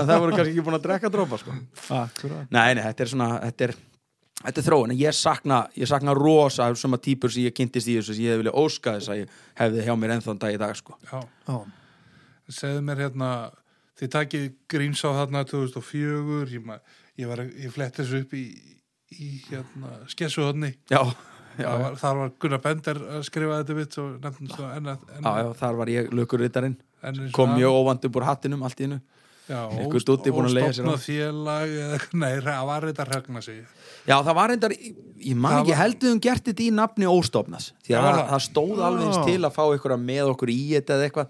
Ég, ég man það reyndar ekki alveg. Ég held Hvort þetta það að haf- verið 38,5 pluss 2 í, í fiskirækt já, já, já, en þessar tvær í fiskrækt sko triði okkur ána. Því að við vorum jafnir hérna öðrum aðilum. Ah. Já, það, að það það, var svona- það var eitthvað eitthvað félag sem hefur ekki verið í síðan ég. Nei, nei, nei ég, ég, ég, ég veit, veit eftir á, ég veit hverju voru bak við það og svona sko Svo voru fleiri, ég menna, mér hefur stangofa með þetta átni á með tilbúið þetta. Átni hafði þó verslað aðeins af veiðifélaginu. Veiðileifi sko, ásamt fleiri leigutökum sko. En, en kúnahópurinn var, var og kannski hefur fyllt áni verið mjög stabíl sko. En þannig ertu komið má segja veist, fyrirtæki. Orðin- þannig er bara Þarna er orðin rekstur. Já, já, þú ert í vinnu við þetta. Já, já, já, já. og, og svo fljótlega upp á því fer að stækka þetta en frekar. Já, á dettur það inn. Við förum í samstarf á svona fleiri aðlum uh, 2006 Það er þá Lax E EHF Já, það er Lax EHF við kaupum hluta af Lax EHF sem var þáverandi leigutæki af Lax og í kjós mm Lax EHF var í eigu uh, ferðarskristóna Frontiers Opened Já, ok. eða Shackleton sem var svona ángi utan Frontiers uh, og Gísli er að reyka það eða ekki? Gísli áskjöfus uh, já sko nei það, það, hann kemur í raun bara inn í hópin Já, ok. Þetta bara æxlast hannig að við komum nokkrir inn. Þá eru þarna lögfræðingar uh, gíslir í þessum hóp uh, við erum í þessum hóp þess að tregna sig regnar aðeila lags Mhm. uh, og uh, þeir eru þekkt þá náttúrulega þess að kalla sem að stóðu að félaginu. Orri Vigfússon var orðin stjórnaformaður í lagsi þarna, fyrir útlendingana. Já. þarna var Ásker Eðar hættur. Stangó, það hefði verið gerður samningur um Stangó um svona axlatíman í kjósinni. En þetta svona var. Er þetta sem sagt er þessir útlíkar sem þú talar um eru það þessir útlíkar sem hafa verið í samstarfi við áskjæn með kjósuna uh, já, hluti af þeim að minnsta kosti. Ok, en svo hafði, var Ásker hættur frúin hans hafi verið í þessu líka með honum. Hann er hættur uh, Shackleton er eignaraðil að þessu að Lax EHF uh, sem var bara Íslands félag og uh, við kaupum bara félagið. Og með því að kaupa félagið þá voru tvö ár eftir af legusamningnum og við fengum grænt ljós á að ræða við landegundur eðlilega, við hefðum ekki keft félagið nema hafa svona belt og axla myndum það að við heldum eða gerðum myndum endur nýja samninginu kjósina sko. Já, akkurat. það gerum við, byggjum veiðuhús uh, í því og Lax EHF verður svona hattur utanum félög hjá Vesturárdal uh, kjósin er þar inni og svo á, sagt hjá Regnasa þetta verður svona þak bara, þetta er bara rekið undir þessum hatti ok uh, Þarna bætast líka við það ekki dalitnir og Nei. langá eða? Nei, ekki, ekki dalinir, bara Langá. Langá kemur inn 2007 minnum mig. Uh, hún er bara í tvö- 2007-2008 já, passar, 2007 og 2008 2007 var náttúrulega alveg skjálfið það var svona síðasta svona var, þurkasumar, það var alveg svaðalega og, og var erfitt sko þú veist, það veittist ekkit fyrir bara og mók veittist í september sko. já, Já. já, ég meni, ég, það veittist alltaf lags í langa þetta ár bara fyrir 10. og 15. júli sko. Já. þetta var einmitt á þeim tíma þar sem maður horfði á tilraunasvæðið innan gæsalappa þarna upp frá Já. að bjargaði heilu hollunum sko, með bleikjum Já. með bleikjunni Bleik, Já. já. En já, lags verður svona, veist, þessi hattur yfir þetta og er, að það er allt kert þar í gegn Já. Þú veist, það er bara félagið og samstarfið byrjar eiginlega eh, hugmyndin af þessu samstarfi kviknar þegar Svalbard svo fyrir útbóð þá búum við til félagi kringu það sem regnar sig á ásand Vesturódal Mm. og Byrðu þú segir Vesturadal já, Vesturódalur var Gísli, Jóhannes og uh, uh, Lalli. Gunstins. Lalli Skóari á þessum tíma uh, og uh, já, þannig að þetta er hatturinn er þarna 2007 er þetta, þú veist, undir þessum hatti er uh, Grímsá uh, Lagsá í Kjós uh, Svalbarsá, uh, Langá. Uh, og við vorum að kaupa náttúrulega alveg rosalega mikið af eðlum út um allt, Mm. sérstaklega norður á vorum í stamstarfi við félagið áfram að Þarna félagið er með frambóð í öllum okkar ám sko. Já. Svona- þeir eru með skrifstoð þarna í austuverði já, já, sem var bara tilfallandi sko. Já. algjörlega tilfallandi, það var bara herbyggi hinum með þess að var laust. Uh, þannig að það, það, það, það var mjög mikið samstarf á milli aðeins á þessum tíma sko. Ég manna mitt í söluskrárni þá var þetta að fara í kjósina á korpu Já, já, og, já. veist, bara, allan pakkan í raun, við vorum að kaupa sko dýrasta tíman í norður á. Uh, þeir voru að kaupa kannski eða fá tíma uh, sem að kannski hendaði félagsmennu betur. Öðruvísi budget og, og, og ódýrari tími þar sem að meiri eftirsókn var og, og þeir voru kannski með tíman uppseldan í, í öðrum ám sko já, hljóma, hljóma vel. Snild, sko. svo kemur þetta alveg hrun. Já, bara svo kemur, kemur stóri kvellur smá. og ég meina, ég veit ekki þetta er bara, við splittum samstarfinu að vísu ekki fyrir 2010 við splittum samstarfinu 2010 uh, og við þá verður bara regnasi, regnasi. Og í þessum sem sagt, skiptum þá verður það að samkomulagi að stangafélag Reykjavíkur yfirtökur langa og við yfirtökur lags og ekkjós já, það verður henni Já, þá, þannig verður í raun af, já, það, vantaði bara, við höfðum ekki áhuga á að bæta við okkur tveimur svona stórum ám. Uh, ég þykir bara miklu vætnað um lagsóði kjós heldur en ég þykir um langá. Ég tengist lagsóði kjós miklu meira en ég tengist langá. Já. Uh, þannig bara svona, hún, hún bara og náttúrulega er henni gæfispor fyrir stangó líka. Setna veist að þeir, al- þeir svo missa norður á al- algjörlega. Al, algjörlega. Og, og þú veist, það er bara, það er bara við áttum miklu meiri tengingar, við áttum bara þú veist, uh, vini og eigum vini upp í kjós og maður þekki landegundur og, og svona, hvert krók og kima. Hvernig var að vera í þessum brans á þessum tíma? Þú veist, lagsveið var dregin inn í það að vera svolítið svona þú veist, þegar menn voru að lenda þyrlunu í baulu Já, og þú veist, við vorum vondukallinir Já, Það já, þú þessi pulsu og... já, já, veist, þetta var, var aldrei efi að, bara þramma áfram með það? Ég veit ekki. Við, við vorum mjög mismikið með fyrirtæki, ég var nú aldrei með nema, þú veist, 2-3 holu upp í Grímsá. Þú veist, þetta var uh, kannski, meira í kjósinni. En, en þú veist, mín upplifun af þessum félagskafi þar að segja, þú veist, þessum holum, þyrlu holunum og svona hann var ekki svona ég, hérna, það var fullt af ykkurum holum sem duttu meira í það en önnur, en það er líka þannig í dag, sko. Er Uh, þetta er ekki svona það er svo uh, all, þetta er ekki alltaf, svona svartkvít Nei, þetta er soldið þetta er soldið eins og með elliðalagsin það kviknar í ykkur um elliðalags þölu og hún bara er ekki hægt að bæla hana niður. Nei, nei. þú veist, og ég var mjög svektur á þessum tíma. Mér fannst, veist, umræðan hjá Ingvar Hafni á þessum tíma fannst mér bara fárónleg og glórulaus, hann hlautaði þessu tekjur þú, þú veist, hann hefði gert einn að fá hún legutöku sem hefur gert ykkur anskotans pening úr þessu þegar hann losaði Já. sig við hætti í langáni og bara respekt á hann fyrir það en, en þú veist, vera svo básunum sína viðskiptaðinni sem hann var nóga góður til að þykja af peninga að rakka þá svo niður ykkur starf ofinbarlega, mér finnst það bara púkalegt Já, já. það er bara mín skoðun, ég, veist, þú, þú, þú varst með veist, hendina á kafi í brjósugurskrúsinni og, og þú veist, einhvern veginn skilur þið, þetta er svo, svo farlegt, þetta er bara viðskiptafinir þú ert bara með vöru og á meðan að menn vildu kaupa vöruna þína, þá hlust þau að vera glaður sko. Ég get alveg lofað ykkur því að það var alveg sama 2008 hvort þú varst að selja bóli ykkur staðar upp á höfða eða derhúr eða veiðileifi eða utanlandsferðir. Þetta snerti á þessu öllu. Ykkur að hluta vegna dregst lagsveðin inn í þetta sem einhvers konar holdgerfingur hins illa uh, auðvitað var fullt af fávitahólum í þessu. Meina, Já. það eru fullt af fávitahólum eins og ég sagði á hann í dag líka. Þú veist, og ár eru mismunandi partí-ár, það er algjör starrið þegar menn er ykkur staðar middle of nowhere þá geta menn bara verið allsberrir og vitlusur ykkur staðar út í móa, það tekur enginn eftir þeim sko.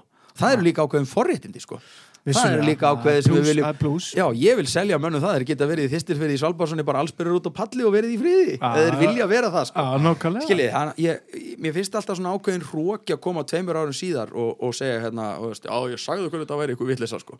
En vera rosa mikið til í að spila með því þegar það var í gangi sko. Það er nú Já, öruglega svona vandfundir lust að þennan þátt sem hefur ekki fundið sér blindfullan í ykkurum heitapotti í ykkurum veiðu Nei, nei, nei, ég, ég, ég meina, Á skiljið, sko. Að Já, það er já. ekki alltaf úr háum söðla nei, falla nei, nei, sko. nei, nei, ég er ekki að segja að kúltúrin hafi endilega verið góður en hann átti ekki bara við um lagsveiðin, hann átti bara við um þjóðfélagið það er eins og eiginlega svona svolítið grátlegt að lagsveiðin hefur orðið fyrir barðin á þessar umræðu og fyrirtæki og aðrir veigrar sér við að kaupa sér lagsveiðleifi Ekki en, bendlaði við nei, vilt ekki bendlaði við þetta? Og það er eftir í síðareglum hjá okkur um fyrirtækjum að kaupa ekki lagsveiðleifi en þú mátt fara í eins miklar formúluferðir og fótboltaferðir ellendis eins og Golf kærið þau og- golfferðir og allt þetta sem kostar miklu meira. og- já, sem kostar miklu meira en eitt lagsveiðitúr sko. Þannig að það sé þó, þó, þó að ég sé ekki að segja að lagsveiði sé eitthvað ódýr sko, en, en hérna Nei, nei, hún er það ekki. En það var eins og ég, var að gæta einhver, einhver staðar einhver tíman og, og það, þar var maður sem að já, með sem að hérna var að bjóða í eitthvað svona fyrirtæki hól sko Já. og hann sagði að þetta væri sko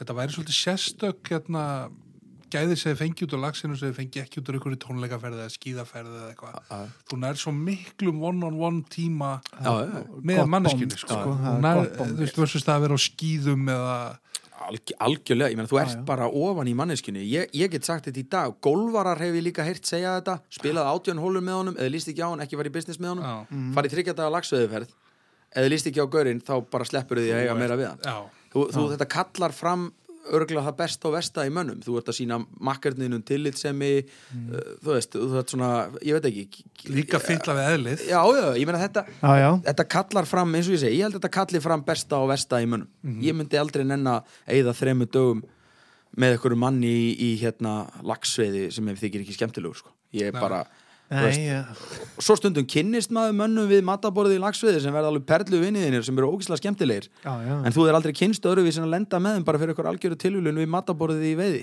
en ég hef líka lent með ógeðslega leðlugum mönnum sín en aldrei eftir að tala við sko, þú já, já, já. En Þannig þú ert alltaf nokkuð viss eftir þrjá daga Já, sko. þú, þú ert, þú ert það, ég meina með vataborðið og þú veist, þetta er, eh, ég, ég bara, ég held að þetta sé algjörlega, Líka bara þú veist veiði eru settar svona ákveðnar kannski óskrifaðar síðareglur á mörgu leiti sko og svona sjá menn navigita það að kannski kemur upp um, um kannski karakter hjá, hjá mörgum skilu, góða og, og slæma hluti sko. já, já, Já, já, já. þetta, já, já, þetta er Við bara, erum að sleppa á allt þetta, hvort að menn sé að fara eftir alls konar reglum og... Já, bara já, öllu já, reglum svo, já, Já, já, já. Svo, svo er þetta náttúrulega það maður, ég meina, það er, þetta hefur orðið, við vorum nú, það sem, eins og ég segi, það sem kýtlar egoið í þessu líka er eins og sumarið í sumar, eins og ég kannski sagði það á hana, að það er varðandi, hérna, það er varðandi, skal ég segja, er uh, veið og sleppa og þetta, ég fór alveg úr sambandi hana, Þú er að klippa. Nei, þetta er bara one take one take, sko. Já, Sumarið í sumar varandi við að sleppa. Já, ég man ekkert hvað ég ætla að segja. Já, Þetta er aðteklisbresturinn fóð með með hana. ég held þú ætlaðir að fara inn á svona eins og, við, eins og ég var var við eins og í sumar, þá virkilega reynir á siðferði við manna Já, já. þegar það er ekkert vatn, þú sérð hrúuna Já, ég, ég, hérna, ég veit ekki, ég, sko, maður var sjálfur, ég man að ég var alveg brjálaður þegar maðkurum var tekinu norður á tvö, því hvað var búið að gera, veist, það. En við fórum nú í það, við vorum fyrst áinn til dæmis í borgarfyrði sem að bannaði drap á stólasi og ég reyndi tilmæli í tvö ári upp í Grímsá, það virkaði ekki og setti ég bara reglu á þetta.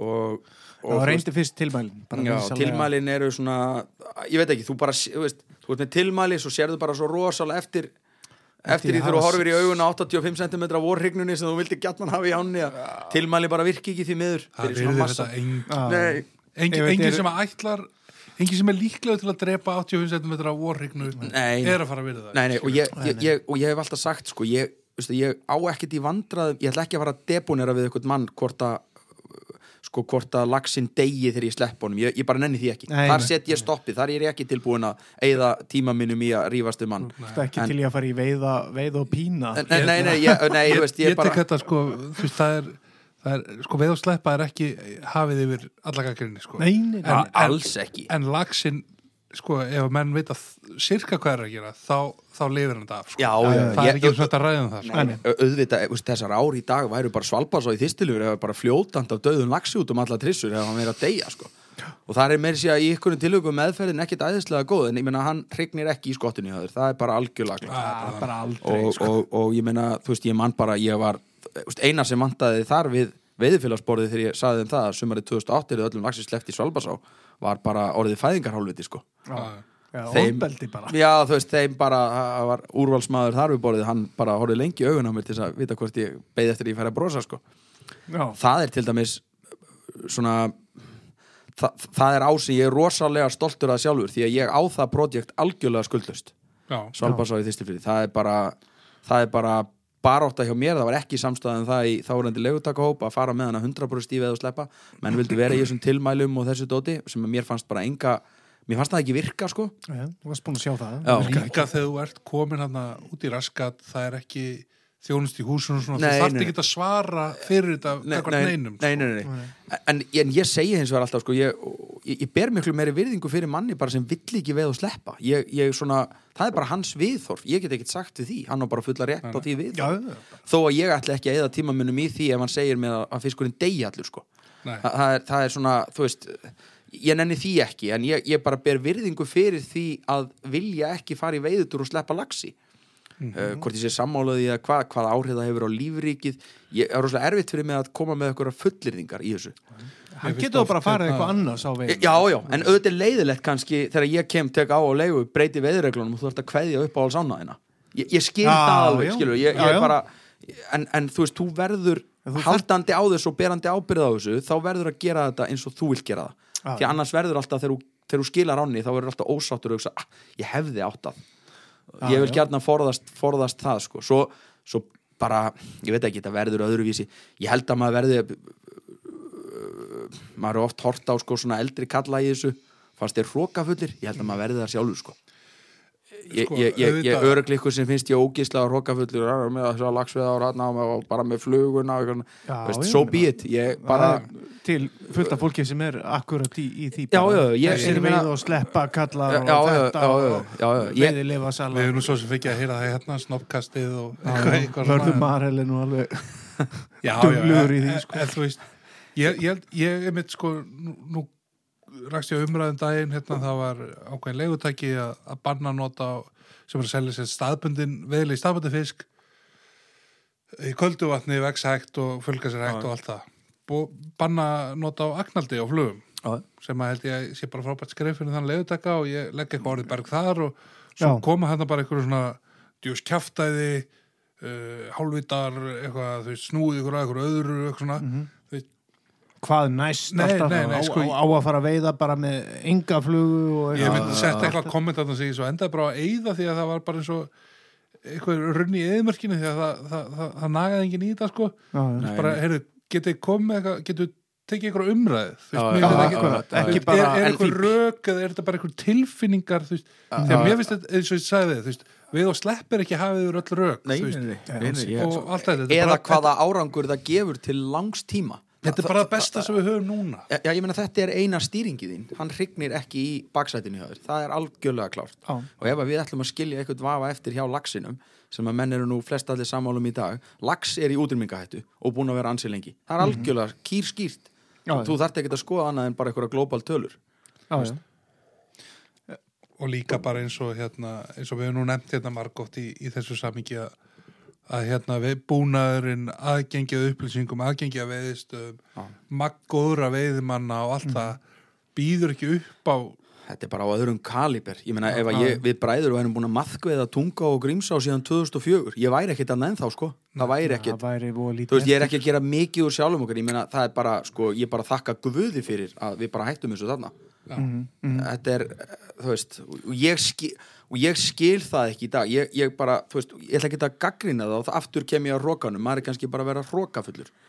en, en sko ég, ég skil stundum ekki hvað fóðurar veiðimenn sem eru búin að veiða sko miljónsunum fleiri laxa heldur en ég nokkuð tíman eftir að gera á lífsliðinni mm. af því ég, er, ég verð aldrei Tóti Tönn eða Ásker Heiðar eða einhverju svona menn sem að áttu á þessum tíma bara voru það miklu afburðamenn þegar þeir voru að veiða í öðruvísi kultúr að þeir áttu bara að kosta á því að veiða svo miklu, miklu, miklu fleiri laxa en ég. Já, já. að, að þú veist, ég hugsaði ekki þannig en ég furða mig oft á því hvað þessir menn e- ekki þessir menn, ég er ekki að að tala um þessa tvo en bara þessi kynslu á manna hvað fóðrar þá eftir veiðitúrin í dag? Er það það fóðra mig ekki þegar ég fer upp í Grímsá í dag að vera með þrjár síður í bókinni af því ég legutæki og þekki hana svo vel Ég engan áhuga á því. Ég meiri sé að geta alveg sagt ykkur það að ég veigra mér eiginlega við að veiða í ánum mínum uh, innan um mína viðskiptafinni Já, já. ég fer með félagunum í Grímsá í eitt holl og ég kannski er með opnunina og þá er ég bara með hollið.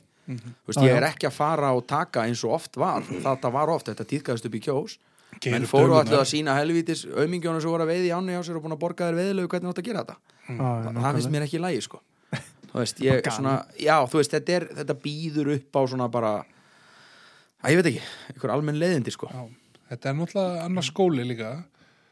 Og hérna- þetta er bara annar kúltúr þetta er allt í kringum þetta. Ég, ég hérna já, þú átt ekki þú veist, svo kannstu gert þetta með maðkin og ég, þú veist, að ég það er alltaf búið að segja að það kostar miklu meiri lista að vera maðkveði maður, sko. Það, ég veit ekki alveg hvað ég gef fyrir það. Ég, hérna, að vera góður maðkveði maður og sjá fisk. Veist, ég mun alltaf njóta þess að hafa byrjað að veiða maðk að því ég get séð fisk. Já, Mm, og ég tel mig geta séð fisk mjög vel sko. Já, já. uh, ég stundum bara að segja ofta ekkit frá því því að þá er komið að legutakaglirum komin á hann. Já, já, já. Veist, þannig að ég notaði bara að segja það bara meira frá því öðrum ám þegar ég á enga hagsmun að kæta En eins og, eins og þetta, það var alltaf að tala um að það væri svo mikið list að renna maðkjó eitthvað. En þegar við erum að tala um það í þessum heimi þar sem að aðgengi að upplýsingum er bara einhver tímaritagreinar og, og þeir sem að vera viðtölu um það að ráða hvað er setja fram og eitthvað svona, þú veist, erum við ekki bara að tala um, þú veist, fyrir 30 árum síðan voru þetta kannski 20-30 gæjar Jú, sem að voru að renna maðki eins og einhver list já, og svo er, er restin er bara eitthvað að gaufa. já, sko, en að renna maðkinu sem slíkum þú veist, aða listin er náttúrulega bara að finna fiskin og sjá hann. Sjá hann. og það sem að ég hef alltaf unni með og maður hefur grætt rosalega á að byrja með maðkveði það er að detti í huga stinga helst færin ykkur staða niður þar sem engin svona á þessum tíma hefðbundin flugu við maður hefði dottið í huga að setja flugu yfir. En þá voru heldur ekkert sunray hits og keilutúpur og þú veist, allt Nei. þetta sem er í dag þetta er bara leist þetta að hólmi Söktaumar og já, já, já, fluorokarbóntaumar. og, veist, og aðalega bara, þú veist, ég minn einhverju tungstein hausar, þetta var ekki til Nei, nei. það kemur bara upp úr 2000 sko Já. þetta er ekkert eldra en það Já, ég man hérna einmitt einhver grein skilur 2000, 2001, 2 Já. útilíf kynnir kúluhausinn skilur Já, já. keiluhausinn einhvern þreymur Já, árum setna og þetta voru kallar einhverjum þverhusar og eitthvað þú veist, Já, já, þú veist, áður varstu með einhverjar eldgamlar bækur í svartkvitu með Art Lee eða eitthvað skilur að hitsa skilur þú veist, þú, þú, þú last um það þar en menn vissu alla hvað það var fyrir en að þú veist, ykkur er proffar, þú veist, Áskir Ingóls og ykkur er komu og settu hestan út á, á Harry Mary engrækju, þú veist. Já, og helst var það bara eitthvað fyrir skilur einhverja prófessora Já, já, já, já, og menn náttúrulega mikl, miklaða með sér og svona, þú veist, það er, það er líka. En auðvitað, ég- jú, ykkur er góði makkveðum, en eins og séð listin við góðan makkveðumann er að sjá fiskin uh, er að taka rétt á fisknum, þú veist, með fimm lagsa þú rennir upp í fyrsta, rýfur hann strax úr hinn er bara þeir náðu ekki að líta til hægri eða vinstir til þess að sjá að félagin sé horfin þetta er listin kannski, þú veist, en, en Já, já. Jú, jú, sakka rétt, jú, jú, það er list en Já, já. akkur sakkaru vittlust að því þú sérð ekki hvað þú ert að gera Já, já. þannig að er sjó, þetta kemur alltaf að sjóninni sjá fiskin þannig að fyrir þá sem sjá fiskinn þá er þetta kannski einfalt já, Þá er það að sakka og... já, já, ég meina þá er það að sjá og vera með rétt að sökku þá er það kannski líka að lesa strömmin að lesa vatnið, alveg eins og gerir góðan fluguveðmann, góðan fluguveðmann, það er að lesa vatnið lesa vatnið. þetta er allt saman, þetta er bara góð veðmaður eða þá þú ert minna góð en veðmaður við höfum líka hort á þessa gæja sem að voru að gera þetta upp á hvað best. Þú þú nefnt ásker heiðar og tótt tönn hérna í þessu þekti þeir eru náttúrulega báður orðnir afbyrðað þeim hann á flugu líka. Já, fyrir löngu síðan. Já, Þú veist, bara um leið og þau tóku það upp eða þú veist, Já, skilur já, þú góðu er kannski bara góðu veiðmaður Já, já, ég meina á meðan að ég, ég, svo veist, fyrir fluguna hjá mér, nefnandi góða veiðumenn ég meina Palli veiðu svona þú veist, pappi var mörguleiti fastur í marki þú veist, ég og Dotti bróður eigum mörgulega stæðsta hlutan í að koma pappa í að hafa trú á flugu þegar við vorum að láta hann hafa matilegin fyrir Lirvóksson sko, númer 16 svo var hann farin að fá fjóra fiska á þetta þú veist, hann trúði því ekkit áður. Þú veist, en, en Palli í veiðhúsinu er sá bara í kringum gætir í þegar ég kynntist Palla. Þú veist, maður gætaði með þeim upp frá Siggahaug og Palla og svona. Það er, ég örglega svona undirstaða mín á ég mest frá Palla hvað var það flugu við Undertaker einkrækjur veist, bæði flugurnar hans léttdressaðar flugur uh, þú veist, láttu búsið eiga sig í gætiríinu, þú veist það er ekkert allir aðrir farið eftir því. En það er líka hvar þú varst, sko. Ég hef alltaf tekið það, haft það sem prinsip, sko Já. að ég búsa ekki í gætiríi, sko þetta, ég er maðins mildast í þessu ég skála við kúnana minni í ykkur kampavinni eða eitkin og Já, já. tónik eða svona en ég detti ekki það og ég líka bara það hefur kannski bara þróast líka þannig að þegar ég ber ábyrð á þremmu veiðuhúsum og sjö lagsveðám þá get ég bara ekki verið ykkur staðar fullur þegar ég fæ neyðarhingingu ykkur staðar sko. það er, eiginlega- það er kannski ákveðin ál ef ég væri óbreyttu leðsögumæður, það veit ég það ekki en ég tilengaði mér þetta rosalega snemma og ég man bara Palli saði þetta við mig. Og hver var alltaf með bestu veiðin upp í norður á? Mjög oft, það var hann sko Mhm. En hefur þetta ekki líka aðeins breyst? Allavega svona það sem ég sé sko algjörlega. Það, þú, þú nærð að gæta Sigþór inn til restina á þessu. Þetta var líka mismunandi eftir ám. Að klálega, það, það var kultúrin í þessu en, en Hvað er mikið þjóðvegakstur og já, eitthvað já, svona- þú veist, já. Hvaða kuna ertu með í höndunum? Já, já, og hérna, ég meina gætir ég mitt, ég manns fyrstu sumurinn upp í norður á sem ég fekk að gæta, ég fekk aðeins að gæta í hítar á en aðalega norður á, eitthvað stóru og svona fyrir félagið. Og, og þá var ég sko, þú veist, ég var bara keirandi allan nóttin upp í hreðavaskál og stuðmannabal sko. Já, Já, og maður bara hugsaði ekki hvað slags fáir þetta væri, hann ætti bara stekkin í fyrramálið eða eitthvað sko. Já, maður svaf ekki allan nóttina af spenningi að fara, að fara með veiðimannin út. Svo var hann ekkert sopnaður klukkan 5 þegar þú varst að keira nú rettanum sofandi í aftursettinu Við veist þetta núna einhvern veginn þegar maður er að gæta. Þetta eru kannski tveir, max þrýr já, já.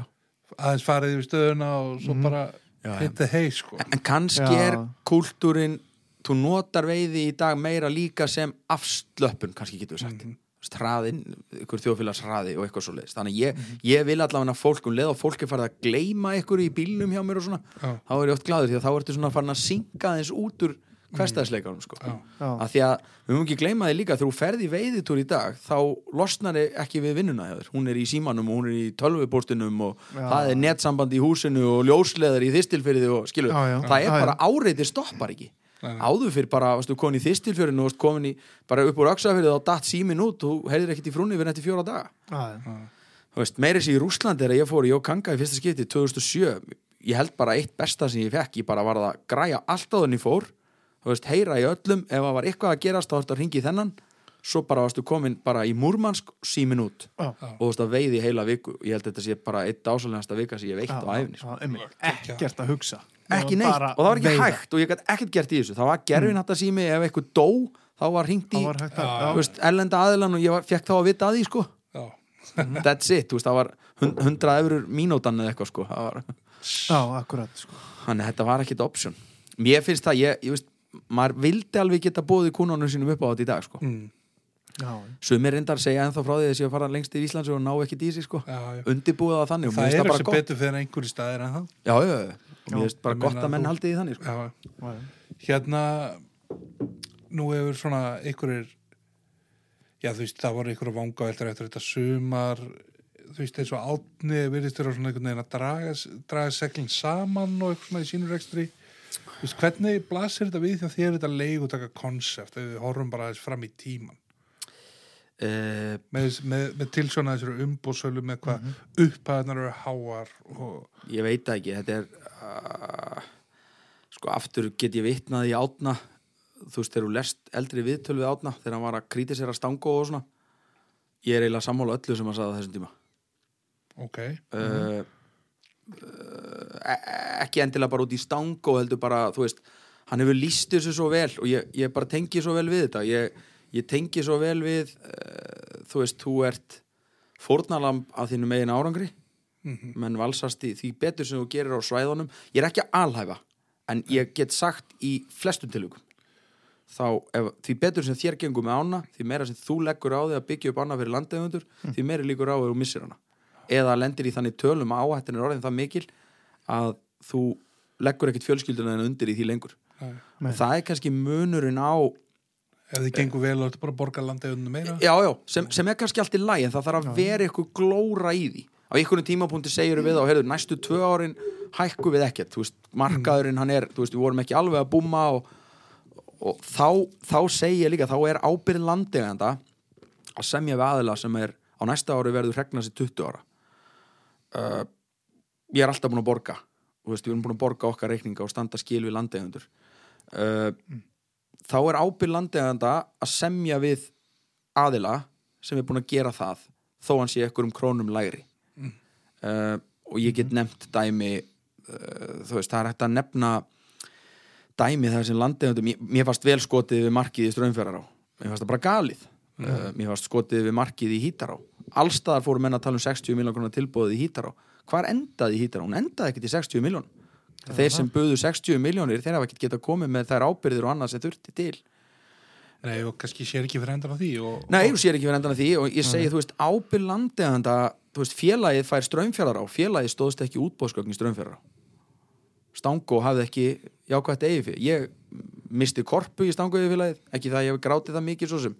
Mín, minn tímið þar var bara búinn, en félagið fekk ána þar átt aldrei að fá hana, sko. Ég hef getað kært það útbóð, það hef kært mitt veiðifélag sem ég hef búin að starfa með í mörg ár.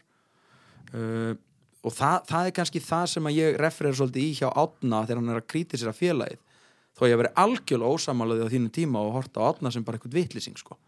Að, að félagið sem áastanda vörðu mín í íslenska veiðimann uh, talar í öllum viðtölum eins og þeir geri það gera það bara ekki Uh, einn af fáum aðlum sem hefur potast í mínum ám til þess að gera óskunda í veiðufélögum hefur verið stanguð vilja reykjaður getur þú nefnt eða það verður kannski óbyrgt ég veit ekki, það veist kannski óþarfi menn geta bara já, veist, ég, já, og- já, ég meina þeir vitað alveg og, og, og ég er ekkit viss um það að þeir myndu vilja að ég tæki upp síman og myndi nálgast landið undir á þann hátt sem þeir hafa til mér skert hjá mér. Þú veist, og já, ég hef frontað á með það og þeir horfa bara nýri bringuna sko. uh, Það- ef að menn vilja starfa þannig, það er alltaf verið það er enga reglur á þessum þegar það er útbóð á, þá bjóða bara allir sem kæra sem að bjóða það verið svona óskrifu regla. Uh, ég hef brotið hana líka eitthvað tíman sko. uh, þú veist, ég hef hringt í ár þar sem að mér hefur þótt meðferðin og sprænunum ógeðsleg sko. En ég hef reyndar aldrei komist nálægt ánum þetta er yfirleitt sjóbreytingsári í, í Stanko hefur vilja veist, ég, kemst ekki nálagt þar en, en, en, þú veist svo, svo hafa menn sem hafa verið með gorgir þeir hafa líka yfirleitt kúkað í brækurnar sko. Menn tóku laxa í ásum og leigu og ætluðu að frelsa markaðin og, og leiga álta og byrtust í drottningaviðtölum þar sem að leigutakar voru að hafa bændur af fjöðþúfu uh, þú veist, sá leigutaki sko hann stökk frá öllu í rúkandi rúst en einn af þeim aðlum jú, jú, Mýrakvísli líka en, en einn af þeim aðlum hann var ráðin framkvæmtastjóri landsafað stanguði fyrir núna. Já. þannig að svona, ég veit það ekki þetta er, menn þurfa bara að girða sig sko. Þetta er, þetta er, þetta er, þú veist ég meina félagið er ekkit og ég er ekki meðlumir í stangufélagi Reykjavík lengur ég er að teka skýtt fram eins mikill stangukall og ég En var var það ekki mitt eitthvað mál, Jónþór, að það stendur staðar í, í hérna lögum félagsins, að meðlumi félagsins með ekki bjóða gegn stangó í útbóði? Jú, jú, eitthvað já, þetta var svo tegjanlegt sko, ég meina menn, þú veist, þetta er ennþann dag í dag ég meina, stjórnamenn hafa verið með ár og eru með ár, voru með í fyrra þú veist, stjórnamenn í félaginu. Og það er kannski ákveðin tímabúndir á mér að hverfa frá félaginu og kannski bara eðlilegt, veist. Það, er, það, er, það er svona en, en, en ég hef ekki verið að praktisera það. Ég get sett allar hendur upp í loft. Ég hef ekki verið að praktisera það að ringja á svæði félagsins og bjóða án þess að samningar séu komnir í útbúð í einu tilviki uh, fekk ég nú bátt frá þárandi formanni þegar við nálguðum slags og í dölum. Það var algjörlega ljóst, samningurum var búinn stang og skuldaði þeim stóra peninga. Eins og var á þessum árum 2010, 11, 12 Já. staðan var rosalega erfið. Og, það, og ég meina það fyrir enginn í grafgötu með það hvernig staðan félagsins var þessum tíma. gerði það ekki hérna. Nei, hann gerði það ekki heldur. Ég meina, nafni, nafni veit það manna best. Hann þurfti að díla málin norður í aðaldal og félagi var náttúrulega gríðalega stórt á þessum tíma. Mikið af skuldbindingum Mývarsveitin náttúrulega tók sinn toll norður á farin. En þú veist, menn þurrkaðu upp 150 miljónur í fjö bara, það bara brann og þetta er mjög fljótt að brenna en það er svona að tala ég um ábyrð manna vegna þess að ef að Grímsá og Laxó í kjós fara á hausin í dag þá fer húsið þakið undan minni fjölskyldu. Þannig ég ber ábyrð 100% á þeim peningum sem ég er að leggja fram og lofa landegundum það fekk til dæmis engin jafn mikið að leiðréttingum í hruninu og í þessum erfileikum í bransanum heldur stangu fyrir Reykjavíkur. Kannski eðlilega, stór félagarsamtök en það ber engin ábyrð á þeim sko Nei, nei. þegar þú býður bull upphæði strömmfjörðar og kveikir í bransanum sem kostar alla stórar upphæðir að lokum er bara einn maður sem borgar veiðmaður Þetta er einskismanns fjö, eða þú veist, eins og, eins og við nú fengið einhvern hitta hérna frá stangaðiflæðinu, hvað fyrir spurningar sem við spurning Jón hérna, Já, já. nafnaðin. Nei, ég meina, ég, ég, vera okkur, ég, er, ég er ekki að segja að þetta er kannski ekki allt svona klift og skorið ég er bara að segja þú veist að aðilinn sem að á að vera forsvarsmaður hins almenna íslenska veðimanns ég heldur sem kannski allir sammála um það. Já, hann, hann, sem að, hann hefur eiginlega meira verið í tippakeppni við okkur hinna heldur en að sinna hinnum almenna íslenska veðimanni já, að því að mönnum kannski langar innst inni miklu meira að vera átni bald eða Jón Þóraða Halli. Ég veit Já, það ekki, já, kannski. Ég, ég, en, en þegar þú ert hjá félaginu þá verður þú bara að horfa öðruvísi á það heldur en vegna þess að þú ert ekki að þjóna Jimmy Jones í New York. Hann er ekki nummer eitt veist, það kostar fullt af peningum að fara í markasetningu og annað slíkt sko. Þannig að, veist, kannski er ég komið þá að heila en ég er bara að tala um, en, ekki bara þú veist markaðslega, ég er, ég er að tala um bara uh, tala um bara um kúltúrlega í bransanum líka meðferðin á stórulagsa á sínum tíma. Þeir eru síðasti aðilinn til að taka maðkjun úr ánum hjá sér. Hvað hefur gerst þeir tóku maðkjun úr langa? Ekki við minga salan í langa. Hún er stóru aukist já, en já. þetta já, er svona. Já, risaðlu syndrom sko, þú veist, Mhm. Við böðum í Haugadalsá á sínu tíma, Eh, Sigþór, þú þekkir það Jú, jú. við böðum líka og settum stórt letur í Haugadalsá þar sem að við vildum að neta við í vatninu myndi hætta Mhm. þú veist, hún er ekki hætt í dag menn sleppa lagsinu sinum í Haugadalsá til þess að hann syndi upp í vatn og lendi í neti Já, já. mér finnst þetta galið og mér finnst þetta veiðimaðurinn almenn íslenski veiðimaður á, sem fer hann að veiða, hann á ekki að láta bjóða sér þetta. Hérna, Nei, nei. það er bara þannig. Við náttúrulega spurðum nafnaðin hérna formannstangu yfirleysins eitthvað að spurningum sem ert að stimpla á hérna Já, núna þegar hann kom til okkur í þáttinn og, og hérna eins, eins og allir vita þá náttúrulega eru við Hafsteinn hérna meðlum í stangu yfirlæðinu og, og ég vinn og tölur við stangu yfirlæði já, já, já. en eins og við og sleppa þá er náttúrulega stangu yfirlæði ekki yfir gaggrinn hafið og hefur náttúrulega tölur ábyrða að sæta gagvart sínum félagsmönnum og bara stanguð á Íslandi. Nei, þeir tala eins og þeir séu að leiða vagnin í allri umbyltingu á veiðifyrirkomulagi en þeir eru lang síðast er að bregðast við. Vist, sjáðu bara átni tekur stórulags á ekki hefur kúltúrin í kringu sá á versnað. Hann er bara stórbatnað veiðin hefur stórbatnað aðstæðan hefur núna allt önnur.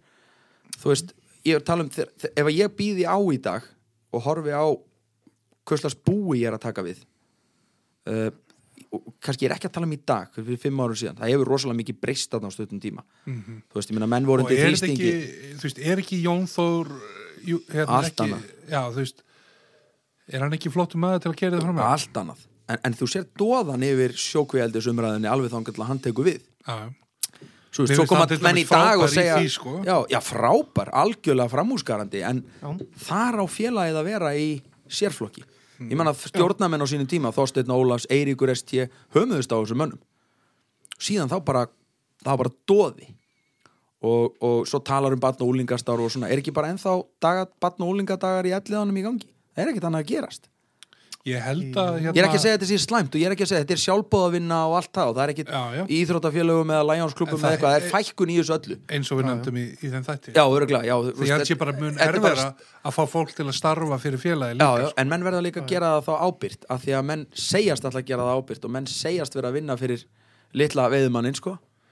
En Já, já. eru samt með, þú veist, þetta er eins og með leigu á ánum eins og ég talaði um, korpu útbóðið var bara þver brotið, það var bara glórulaust. Við gáttum kært það og, og eflust endað með ána eða fengið ykkur dómsátt eða eitthvað, Farðu- sko, ellið átna líka. Getur þú farið nánar út í já, ok, tökum í dag. elliðarnar því að ég, ég, hef, ég hef hýrt að þessar umræði sem úr þetta í að. Og, og þetta er náttúrulega er uh, svo kallar hot take. Já ég meina ellið átna, þetta er bara glórulaust. Þetta er þetta bara er, þetta er, þetta er hortsteinn hryggjarsúla og Þetta, þetta er bara, þetta er galið. Það veit enginn hver er með 11 átar í dag það veit enginn hver er með þjónustu samningin Reykjavíkuborg bendir á Orkuveitan og Orkuveitan bendir á Reykjavíkuborg fyrir einhverjum tíu árum síðan tæplega átt að hætta uh, með að búið til ramagnur 11 ánum þú veist, mm höfðabakkabrúin átti að hætta að safna vatni og það átti þetta bara að renna sína leið fyrir lífríkið, það er ekki ennþá búið að gerast. Þú veist, hvað er þrýstingurinn þar veist, ennþá að leika sér að hækka og lækka elliðarnar og, og, og þurrka ána og, veist, þetta er bara bull og rugl við erum ennþá að drepa fiskur þessar á veist, ég Stóra kannski, fiska. já, ég get kannski trúttum talað, ég meina ég var með á og leigu korpu, en ég hætti þó, veist, ég friðaði hann í september mætti á Mm. hverju móti, kvatti menn ég náði hann upp í 50% flugulhut sko, þú veist, Já. stanguð fyrir Reykjavík tekur korpu og leigu og fyrir aftur að að leifa kóta á maðkadráp í september veist, Mm. mér varst það aftur hvarf uh, veist, ég vilja hafa útbóðið þar bara eins og það var í svonni bara, förum bara með hann í fly only menn geta púpað núna og gert alls konar hluti í korpu sem að mér hefði ekki kvarlað að gera þegar ég var að byrja að veiða þar sko. Já, já. sama með ellið áttan, ef fiskurinn er ekki að veiðast nýr í sjáafossi þá veiðum hann bara upp á raunni eða í hundasteinum eða í gróðakvötni eða fljótinu eða eitthvað sko. mm -hmm. menn eiga að setja fordæmi þarna menn eiga ekki að vera með rótgróna lagsveði menn að leika sér tíunda daginn í röða maðkveða stórlagsa í ellið ánum uh, þú veist, þeir eru bara að láta þetta í friði og ef er einhverju sem er að njóta þeir sem félagsmenn þá er það börn og úlingar og, og, og eldriborgarar í félaginu. Það er bara mín skoðun sko. Já, Já, ég, já. og ég myndi sérstaklega vilja fá meiri sílungsveiði þannig og já, kannski ég, ég, ég meina, ég, þú veist, já, já, byrja, veist, nýtum þetta og göngum í kringu það en við verðum líka að vera tilbúinu veið menn að bregða stuð og spyrna við fótum þegar menn að fara að byggja heilt bíódóm í elliðádalum og svona. Og endur, endurvekja virkjunina fyrir 150 miljónir eða hvað sem það er. Fara að búa til litla virkjun til þess að sína fólki hvernig það á að búa til rama fara það aftur að leiða vatn í stokkin og allt annað. Þetta, þetta, er, þetta er bara Þetta er galið. þetta er svo galið að það er bara að, þú veist, ég veit ekki, pe- sko þráðurinn hjá mér gagvart borgar yfir völdum og lagsvið og hann er engin það er bara, Þannig eru kannski meira komnir af sko, borði stangveiðfélagsins og Já, komnir já. inn á já, já, við erum konin inn, inn í Og pólitíkina og svona, já, já. En þetta er bara náttúrulega fárálegt og við verðum bara að gjöra svolítið breðast við eins og í kringum þetta eldi núna þetta, við, við eðumenn, við verðum bara við verðum bara að fá mann til í frambúð við þurfum 5.000 atkvæði, ef að félagi predikar þetta og við þurfum 5-6.000 atkvæði í borginni, þá getum við haft borgarstjóra. Við getum verið með einn mann, einn, tvo menn inni og, og, og verið í frangsóknar hlutverkinu. Og Hvernig heyr, væri heyr, það? heyrið það Sigþór, hann segir tvo menn. Tvo menn Við erum Já, tveir. Já, hérna, á fínu launustráka, milla á mánuði og, og, og, og, veist. Já, já, við, snittur í höfða. Við, þurfum að, við þurfum að fá eitthvað, eitthvað, eitthvað góða manni í þetta. Já, Nú, ég, já, ég er já, bara þarna, þarna að, þú veist, ef þú ætlar að vera svona alltaf litli góðu maður þá gerist ekki, þú verður bara að láta í þér. Þór, hestamenn, sögfjarbændur og svona, þetta eru öll íslensku þjóðfélagi. Já, Við veiðumenn eigum að heita 50-60 þúsund. Hvar eru við? Við hefum náttúrulega að hafa að söðfjárbænduna með okkur líka vegna þess að við erum að greiða þeim alveg risastóra peninga út um allt land. Ég held að væri engin í söðfjárbransanum nema hann hefði þokkalega góða lagsvið á í grendið sig. Mjög margir. Og, og, og aftur segi, kannski er maður bara eftir mörg ári í þessum bransa og, og hrókavitin en okkur vantar bara þú veist, það, landbúnaðar á þeirra hafa skipað hestamálar á þeirra hérna, á umbóðsmann íslenska kjötsin sem fer út um alla Ameríku að reyna að selja mönnum ykkur að dilka Já, já. þú veist, þetta er þetta er bara galið, það hvað er lagsamálar á þeirra Það er eins og Stjáni Ben kom inn á hérna þegar hann kom til okkar já. Að vera að fara á þessar sýningar og það er Já. bara bás frá, þú veist, ferðamálaráðandi Wales. já, já, já. Þetta hefur verið læ- rætt svo sem í landsambandinu og, og rætt og, en, en þú veist ég veit ekki, einhvern veginn kannski aldrei klára það er kannski okkur líka að kenna að reyna ekki íta á veiði fyrir lögin meira en ég held að sé fullu vilji til þess að kannski vanta bara að executa þetta en Mhm. ég held eins og að hvað var það borgina og elliðáðnar, ég held að sé engin vilji til að gera eitt eða neitt En hvað, sægiru elliðarna fyrir þér bara í almennu útbóði? Bara sægiru bara Já, regna ég- sem fyrir þér taka elliðarna? Það er bara eðlilegt og ég ekkit endilega, við getum haft hvaða skoðun á því sem er sko, okkur finnist hún eiga heima hjá elliðánum, en ef, þú- tekur rök manna, já, hún á heima hjá elliðánum er ekki réttast Stanguðfélaginu? já, allir, allir já, fyrir ekki hjá stanguðfélaginu allir hafi aðgengi aðinni uh, hún er mögulega hjá íþingjast ef þú ert litli maðurinn 14 ára eða 15 ára eða nýkomið bílbróf 17 ára, þá er þetta að borga félagsgjöld til þess að fara í elliðánur og árgjald. Þú þarft ekki að borga það í hregnasa veist, ég get ekki tjáð um eða fullirt um það hvernig velangingin er áni eða hvað myndi gerast í því en það geta alveg aðrir aðilega rekið þetta. Það má líka alveg setja bara reyndýra, bara- reyndýra lottir í elliðáðnar Eða bara ITR er bara með lotteri skráða bara kennitölunæðin og borga 1500 kall og... Akkur ekki, Já. það er, það er ef að, menn, ef að borgar yfirvöld og orkuveitan verið að fara í svona samfélagslega partin að þessu þá væri þetta eðlilegast. Mhm. vegna þess að þú getur, borgin getur ekki sem eignaraðila lirvóks og, og, og korpu bóðið þær út og vísaði í Evrópuleglugerðir og eðlilegt og borgin verður að bjóða út sína hluti svo siglir þarna bara einhver á og heilt lífríki sem að engin veit hver ber ábyrð á og allt er í tómu ruggli sem það er Þetta eru, þetta eru stóra fullir ykkar hérna, Jón. Já, ég finna að svona er þetta það, það er ekkit að, já, það þarf ekkit að Já, ég vi- viss svo sem Þetta er- það að þú, þú hefur pælt í því sem er í, já, lengi og, Já, já. og kannski þú nefnir til dæmis útbóðið á á hérna korpunni það sem, að, það sem er nöðsynlegt að félagsjöminn jákvæmt eigi fyrir og eitthvað svona Já. og, það var ekki raunin í þeirra tilviki. Nei, nei, en þú veist, þá spyr ég mig líka það aftur komum við af ábyrðum þó að þarna sé Reykjavíkuborg veiðifélagið í raun sko, út af reiknaræðil þarna aftur komum við að ábyrð veiðifélaga. Og, og, og uh, þú veist og, og mér stoltið gott hjá Stjána Benít í viðtalinu við ykkur og, og mér fannst að ég tengdi rosalega vel við það að, að tala um já, nei, og, já, og bransin er rótin, pínlítið rótin hann er það. Uh, ég kannski ætti ekki að vera kvarta. Ég er í 15-16 ára samstarfi í mínu veðifjölugum sko. Þannig ég, er svona, ég, er, ég er kannski að horfa almennt yfir sviðið. Þú veist, það er ábyrð hjá mönnum og blaðamönnum líka. Ég meina, í kringum hítararútbóðið þá fer bara efsta tilbóð í loftið. Uh, ég er að semja við aðila annar staðar. Þar er bara komið nýtt viðmið nýr vermið á lagsvið á svo er bara ekkert að marka þennan vermiða það getur engin staði við hann og þetta endar á því að semja við eitthvað þriðja eða fjóruða aðila. Það kom hins vegar ekkit í fréttunum hjá vísi í þessu tilviki. Ekki sami við efstaðila samið um mun lægri upphæð. Það var einhver svoleiðis fyrirsagnir sko. nei, nei, þú veist að þetta er oft tala á blaði og svo náttúrulega í svona útbóði það er eitthvað tala efst. Já, og svo er náttúrulega tíu að fjögublöð sem útskýra sko hvað er baka þetta. Já, já. og eins og ég segi það þá að þurfa ábyrðir í flest tilökum í þessu. Og jú, menn geta farið í auðvitað félagi eins og Stangó sem er þetta gamalt og, og, og svona hefur verið traustins virði.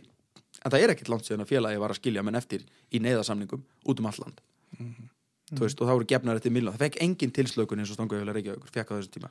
Það er bara staðrind og það er kannski eðlilegt líka.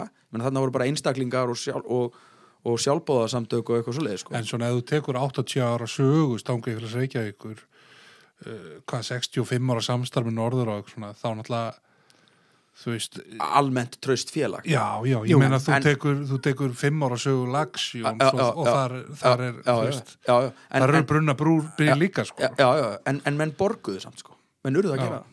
Já, það þú veist, það er ekki, annað var ekki hægt já, nei. því annars hefðu menn ekki verið áfram í bransan þannig að þú, þú varst að borga það voru allir að semja um uh, leigu á þessum tíma en, en, en þú veist, þú, þú varst samt að gera þetta varst að borga annars hefur, hefur verið búin í bransanum Já, já. en þess vegna segi, ég, þess vegna finnst mér skjóta skökku við í dag að, að leigutæki sem að kom með gorger í viðtali og brendi alla brýra baki sér skuli, einn af þeim aðlum skuli vera orðin frangvandastjóri landsambands Skulum stangveiði taka það fram að þá erum við ekki að tala um stangu ykkur Reykjavíkur nei, nei, nei, nei, ekki nei, nei, nei. landsambands stangveiðifélag eru veiðifélagin sjálf.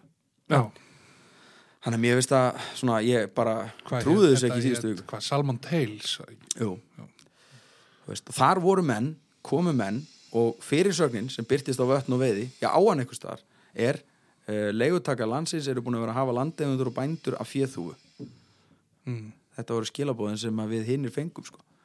svo voru menn bara ekki merkilegri pappirar en það að eftir þrjú ári eða hvað þá voru menn búin að hafa flest öll sín veiðifjölu af fjöðhúu En þú veist, maður er kannski að ka- kasta leggjum ég bara, með þessu vil ég hafa til landeganda og veiðifélagana að það sé eitthvað stafur að marka útbóðin og menn horfi í það. Þetta er félagið, stangafélag Reykjavík er, er yfir höfuð uh, traust félag í gegnum öll þessi ár, sjálfsögðu.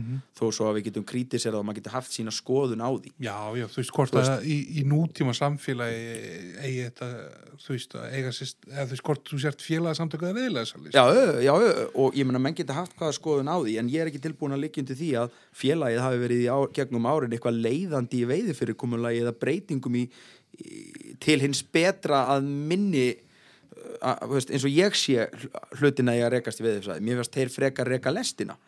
Tilviki við þess að taka maðkinn úr langa og það var fyrst og næst út af bara einhverju umtali sem orri skapaði og gerði allt vitlust um að finnarnir væri í erfið ári í langa og að hérna það 2012 var yksu hana Já, að drepa alla fiska þú veist, á einhvern veginn urðum en voru konur upp í vegg sko.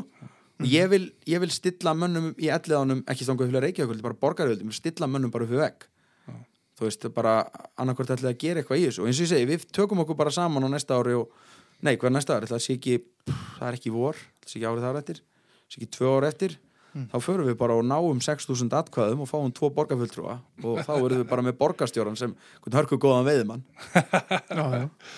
Alltaf orðið pínlegt að horfa á þess að borgarstjóra dæla maðgeðan í fossin á opnunadegi. þetta er bara kjánalegt þetta er bara allir þeirri umræði sem við erum að gangi í gegnum og þú veist, það má alveg að það við mig bara að menn skulle vera að veiða yfir höfuð. En þetta er í gangi, hefur verið í gangi uh, í því eru stóri viðskiptalegir hagsmunni líka, það er nú bara eins og við höfum verið að benda á í baráttunum við eldið. Meina Þetta þetta er partur okkar menningu. Já, þetta er ekki bara ykkur í strákara ykkur flugukasti ykkur staðar, meina þetta eru risastóri peningar út um allt land. Þessu vegna finnst manni líka sko hinn almenni landegandi meiga alveg spyrna fastar við fótum líka. Mhm. af því að oft og því miður er þetta þannig að eitt, eitt vorið þegar að vera að greiða út arðina stóri lagsvið á þá er tjekkurinn bara helmingi minn en hann er. Já. og svo getur hann orðið ekki neitt. Þá held ég að menn kannski allt í hennu vakni en, en sko þá getur það verið allt og seint. Þannig að það er ekki eðlilegt að mínu viti að, að regna sig og, og, og, og starir og ykkurir séu að reyna að leiða þessa umræðu og bera af henni allan kostnað. Mér finnst það bara galið. En þá náttúrulega fyrir líka mótaðalinn beint í mannin sem er þetta, þessi umræða þessi að þjónust einhverja miljónamæringa já, já, það. ég, veist, það, það bara, það, það verður þetta strax á svo lágu plani, sko. já, já, Það er svo erfiðara fyrir þess að menna að deila við hérna hartulega bóndan og... Já, já, ég, ég veit það, ég veit það. En eh, þess vegna segi ég, ég sakna þess að, að yfir höfuð. Og þá er ég ekki, ég er ekki, að, ég er ekki að alhæfa það er fullt af undantekningum, ég menna það eru fullt af, af pæjónerum sem er eða fullt af klukkutímum fyrir, fyrir, fyrir landsamband stangaveiði félaga sem eru bændunni sjálfur og hérna, eh, landsamband veiði félaga fyrir ekki þú veist en, en ég vil sjá miklu meira. Ég vil sjá miklu meiri þing miklu meiri press á pólitíkusa þú veist, bara að- gjöra svo vel að upp þessi brækundar að lámarskröfur sem við gerum er að menn fara eftir lögum Þa, það, er, bara- það er bara, það er lámarskrafa fyrir utan allt eitt ruglið sem er í gangi sko. Mér er nú ekki búin að ná að bóka það hérna í þáttinn en það var nú ætlun okkur í vetur að reyna að fá einhverja pólitíkus hérna og, Já. og kannski sem eru veiðimenn Já. og bera jafnvel mikla ábyrð líka í þjóðfélaginu til þess að kannski fyrst og reynst ræða sinn veiði fyrir og eitthvað en En kannski að stinga á einhverju smá stíka á kílum ykkur smókilu en við Já, lofum já, ekki nei. alvarlega upp í ermina menn, en menn verða, alveg menn verða, menn verða þóra ég, úst, eftir því sem árin farast yfir eins og með málefni ellið þarna ég, ég hef bara ekki patience fyrir stólarsadrápi í þarna lengur. Ég, mér finnst þetta bara eiginlega ekki Nei. skemmtilegt sko. og Mikið ég, af stórlags í drepi núna í já, já, veist, og, og bara lagsi yfir fagna höfuð því að loksis mæti stórlags og þá bara er hann veist, þetta er, ég veit það ekki, þetta er galið. Þarna finnst mér bara, þú veist þarna er allavega félagið ekkit að leia ef þetta er hryggjarsólan í félaginu þá eru þeir allavega að pota vel í mænuna þú veist, þannig að menn vilja kannski að hryggurinn falli saman og eitt góðan veðudag og, ég, og ég raunum með ólíkindum að hans ekki búin að gera það sko.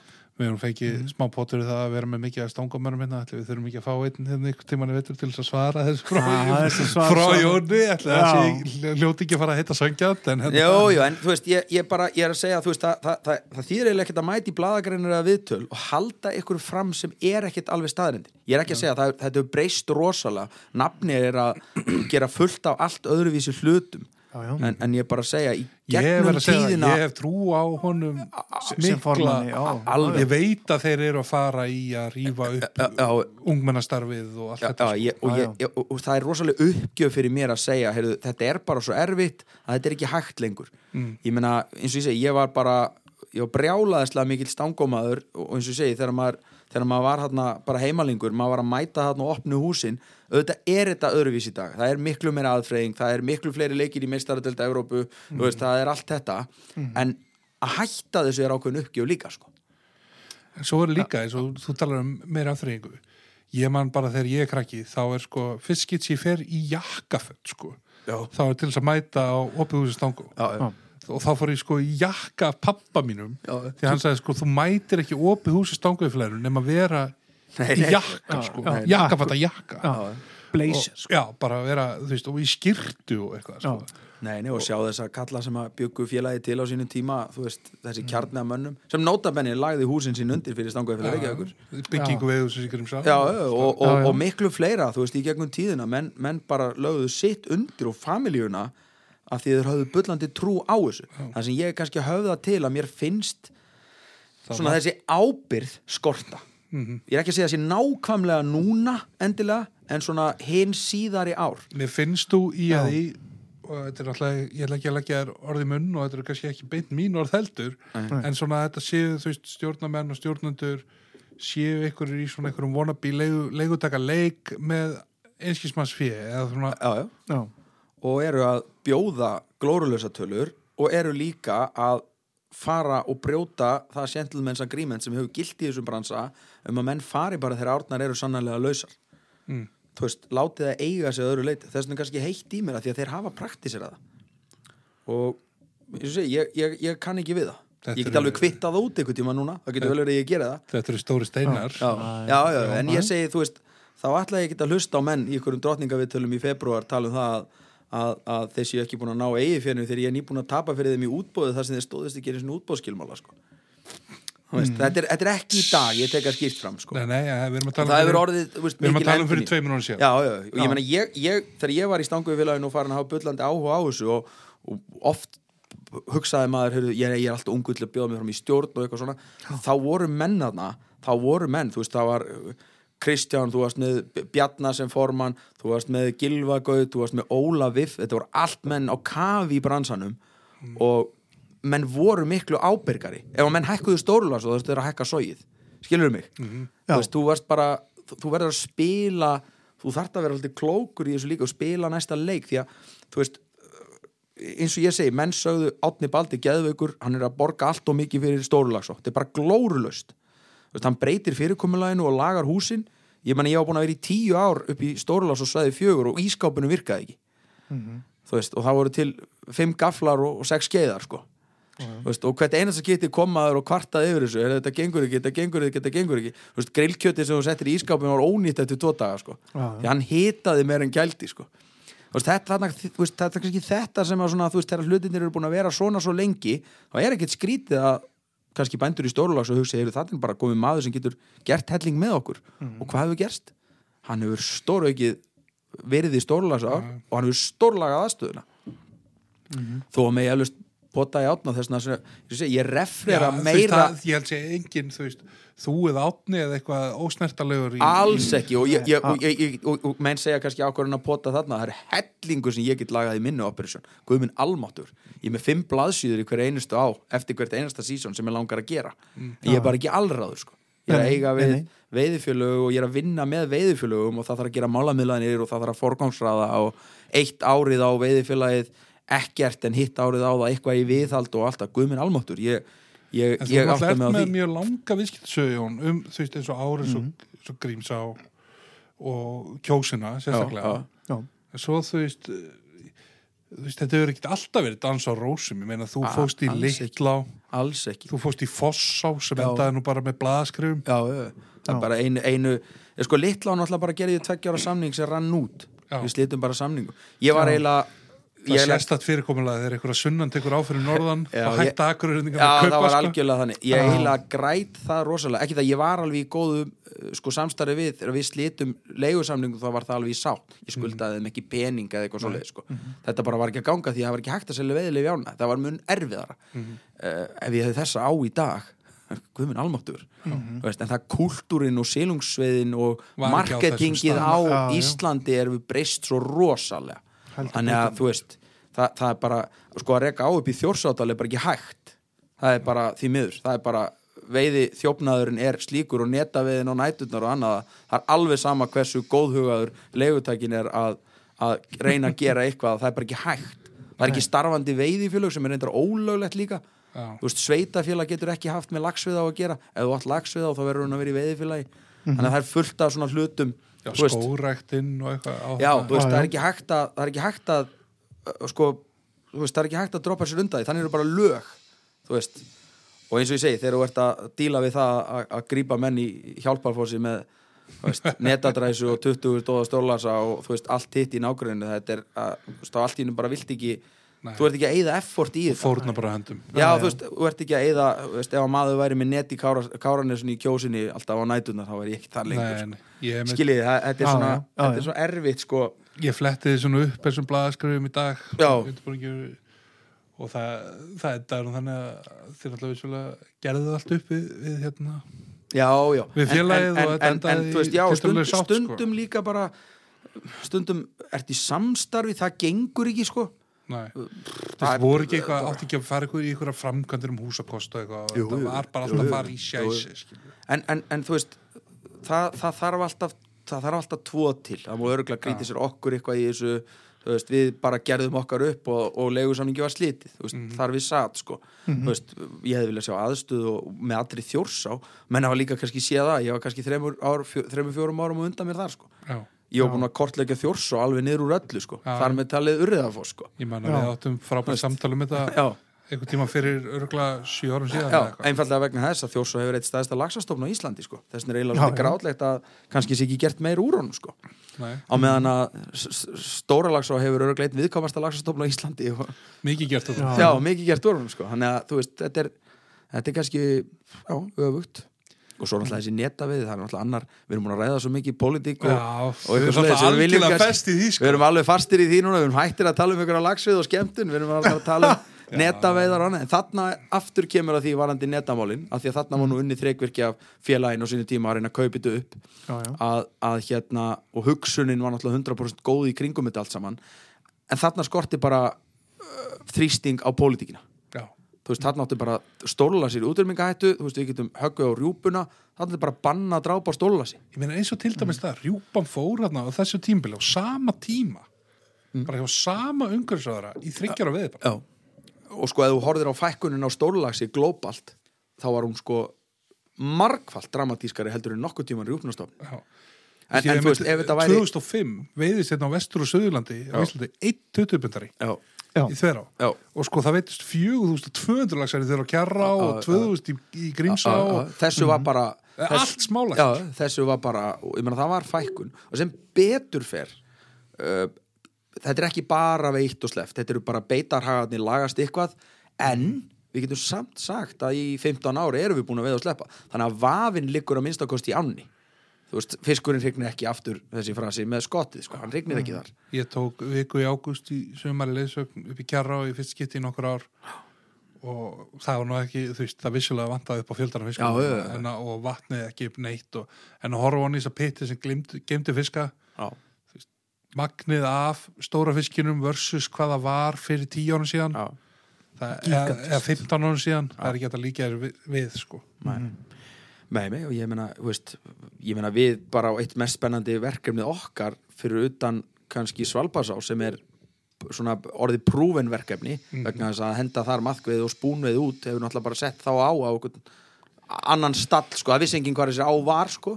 Já, þetta er á sem að er eina af þessum ám sem er bara best markasetta því að það vita allir að það kemst ekki að Já, svona, veist. en það er, er ásóknin í hana ég meina, hún hefur bara, og ég meina þú veist, arður landeiganda ég held hann hafi, ég held hann hafi hækkað um rúm 400% síðan að við tókum hann á Vá. legu þannig að, þú veist, og í raun er töfrasbrotin er veitustleft það er ekki flóknar en það. Já.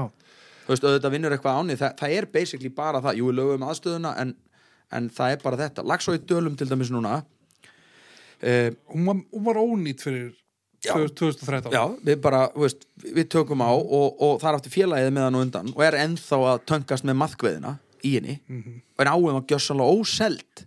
Og ef þú selur ekki veðlöfin þá getur ekki borgað leguna og þá lendur í vandra veist, þannig gengur þetta í þrjú, fjögur, fimm ár en þú breytir engu. Það það, var sem að alltaf mér þessi, finnst svona það var alltaf þessi ótti náttúrulega að ef þú tæki maðkinn þá myndi gömlu holum fara og, já, já, já, alveg svo var í stóru lagsa ef þú ætlar að fara að breyta ykkur þá kaupir engin veðilefi en svo segja menn eftir á, já við sleftum stórulagsa því að seldist ekki inn í veðilefi ég hætti í stórulagsa að því ég var alveg búin að fá nóa því að reyna að peksa í öllum mönnum í að breyta þessi katsinni lís já, já, ekkert bókað en- nei, nei, þú veist, og, og margt í því. En, en, en þú veist, Dalinir er líklega ein af þeim ám sem er búið að fara hvað vest með á landinu í gegnum tíðina, hvað var það að drepa stórulags úr hana? Já, jáfnvel, mm. ég veit að þú mátt ekkert kommenta það en, en ég veit það ætti að ræða eitthvað svona að aðeinar en að viðfélagsins hafa ekkert alltaf verið þar bestir. Nei, nei, nei. En, þú veist en, en, en hins vegar og, og svona kannski þannig að hafa verið deilumála annað í veiðifélaginu sem að kannski hafa verið kannski því að einbytta sér áni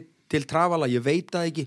Við hins vegar komum inn á sínum tíma við þekkjum svolítið til landeganda uh, með mjög ákveðnar hugmyndir og það hefur allt saman gengið eftir. Þið voruð að fleiga foss? Já, fleigum fósinn núna síðasta vor eða veiðifélagi gerir það Mhm. og við, við, við kvöttum veiðifélagið og fórsvarsmenn til þess. En það sem þessi áhefur ég get fullirt að prósentulega þó að þetta hef ekki verið besta árið endilega núna í ár það er engin á á suðvesturhóttni landsins með annaðins Magna Stólasi og, og sko ég veit ekki hvort að maður eigi að þóra að vera með svona yfirlýsingar hérna. Ef við fáum þrusu gott, næsta þrusu góð ár hvort að það verið árið 2020 eða 2021 þar sem að þú veist, norður á fyrir yfir 2000 og uh, ég veit ekki veist, veiðin hefur verið geggjuð í miðfjara á, hún fer í þá 5000 eða eitthvað. Ég held að það ár, næsta 17, 18, 1900 lags ár þegar næsta gamla 2000 lags ár þegar maðkurum var og allt repið í lags og dölum kemur, þá förum við í 3000 fiska. Á Sex, fjóra fjóra til til sex sex. stangir þú veist, og 440 stangadaga þá getur þú farið að ræða um bestu á landsins. Þá, þá kemst enginn á nálættinni. Ég las að veit í ykkur gamlu viðtalið við átna bald að hérna spurður um eftirleitt sárna sín á Íslandi. Ég held að þú spyrir í dag þá var það stórlagsá en já, þá var það sko versta og leiðilegasta á, á Íslandi er lagsveitölum já, og besta og skemmtilegasta á Íslandi er lagsveitölum já, það fer bara Já, vatni. það bara Já, hann líst henni hann sem heaven or hell. Já, einmitt, Já, það var einhvern veginn orðað já. en hún er en, en hún hins vegar, sjáðu eins og í sumar hún sko, við erum kannski ekki að miða við þetta sumar í sumar, þú veist, Grímsá var mjög góða því hún er með svo frábært vatn hún er svo stabil í vatni en sjáðu Dalina sem hefur nú verið ekki beinleins verið þekkt á þurrkasömrum fyrir að vera stórkostlegi vatni Nei, nei, en hræðilegt. sjáðu samt það sem við náum að kroppa úr henni það er á hverju við erum að púpa, við erum að hún er tæpum 800 en þú veist, það er ekki 1000 stangadagar á bakvið það Nei, nei. það er það sem að gleymist oft í þessu hún er bara, þú veist, hún er bara max 500 í dag sko. Já, já. það er bara svo mikill munur sko. en, en og þess vegna segi núna við erum búin að flytja lax fyrir ofan, við erum búin að grafa hrogn síðast er ég leit upp fyrir Sólemafoss þá voru komni 40 fiskar sjálfviljur hann upp yfir Já. Já. þannig að það verkefni fer nú bara að keira sér sjálft þá fer það að fara neðar, þú fer að fara í fleiri hliðalæki, grafa hrogn uh, reyna að koma boltanum á stað Já, Þannig að- við ætlum að ræða við um alls konar mál hérna veiðina, hvar þú veiðir og Rúsland og bara Já. þú veist, helst plugga eitthvað fyrir veiðifélagi Já. minna á live eventin næsta Já, fymtudag já, já. og eitthvað svona við erum, að, við erum búin að loka tveimur tímanum Já, þannig að við verðum að fór við sluta erum búin þessu að Já. Hérna- við kannski að Áttu- detta inn á uh, veiðina 2020 eða? Já, er eitthvað fastu punktur eitthvað, eitthvað eitt túr sem að Eh, ég á alltaf, við félagarnir förum alltaf í uh, Grímsá eða svona reynum að gera það Mm. uh, svona það sem ég segi mönnum auðvitað sem að fara að veiða, þar förum við að veiða en Grímsá er svona okkar heimaöllur fyrir, fyrir svona góðan vinnahóp Mm.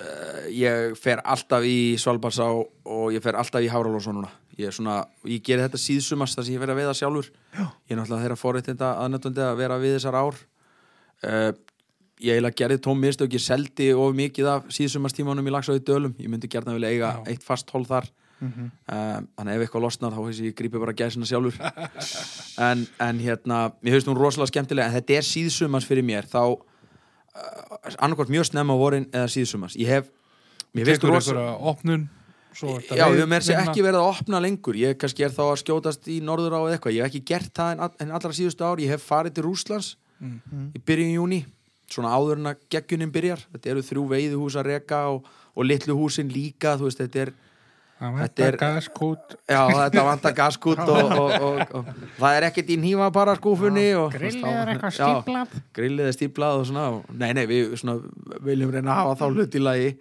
En, en, en mér, finnst, mér finnst rosalega gaman að fara til Rúslands mér finnst það bara geggjað. Ég, hérna, ég held að sé líka af því að þá bara fer ég í flug ég fer til Múrmansk og ég er bara einn í viku með eina stöng og einhvern veginn Sóna út sko. þekktu fyrir það að vera í símanum allar sólringin já, á já, já, já, já. þá náttúrulega er það ekki option. Já, já, nei, nei, þó að margir haldi að ég svari aldrei í síman þá er þetta eiginlega bara þannig að vesti óunum minn sem ég nokkuð tíman gerði var að innleiða call waiting í síman þess að þá ringdi alltaf hjá mér Ah, uh, og ég geri það núna á haustin og sitt í á en annars á sumrin þá bara er á tali því að það er betra sko. já, já.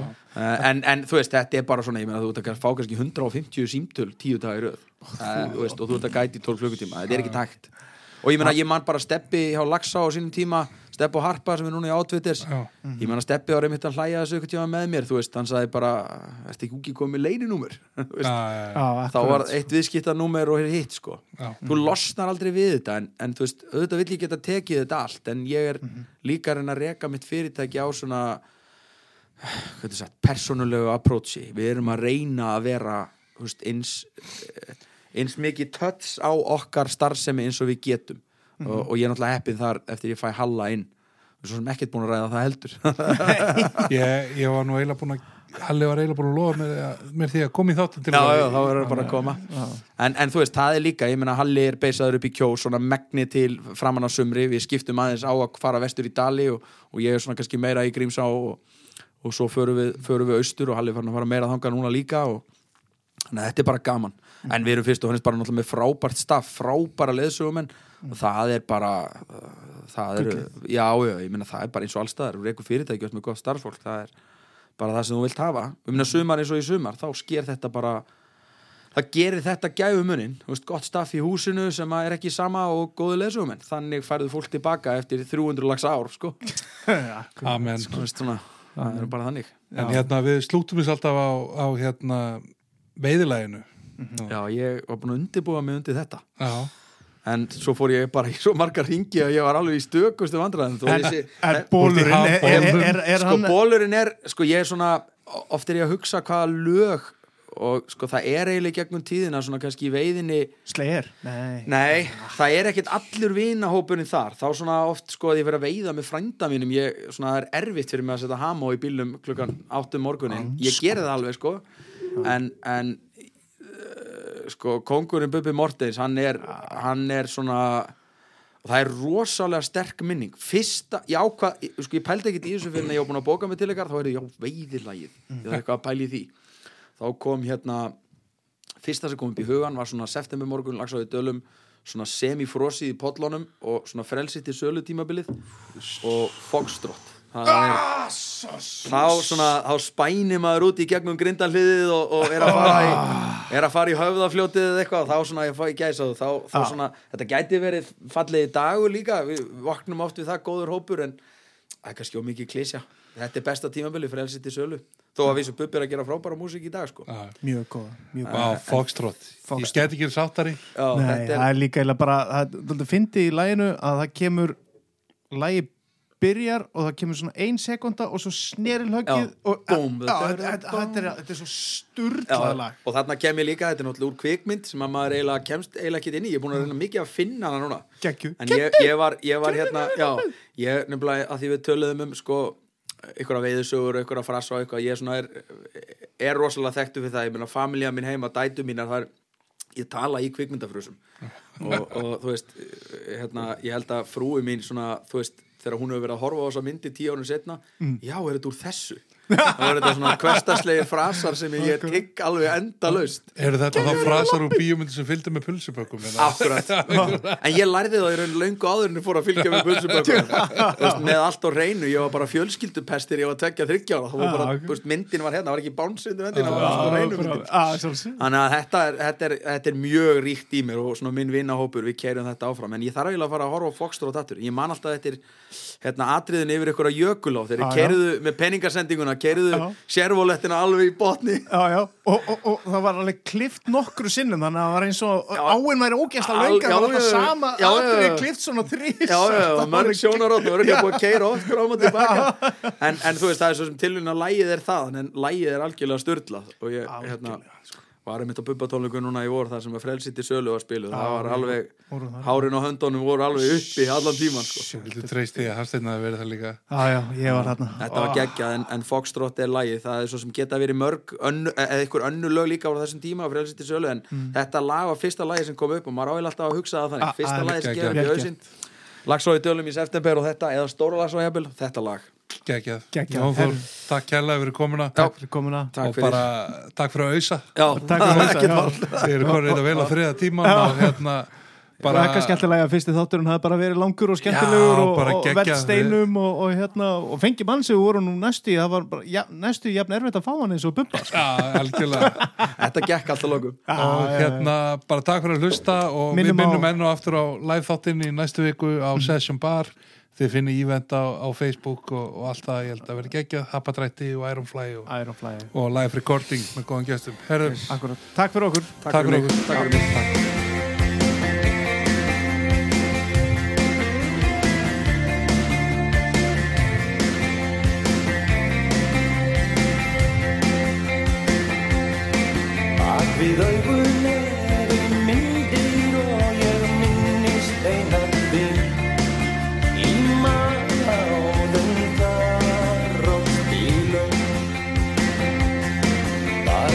kings.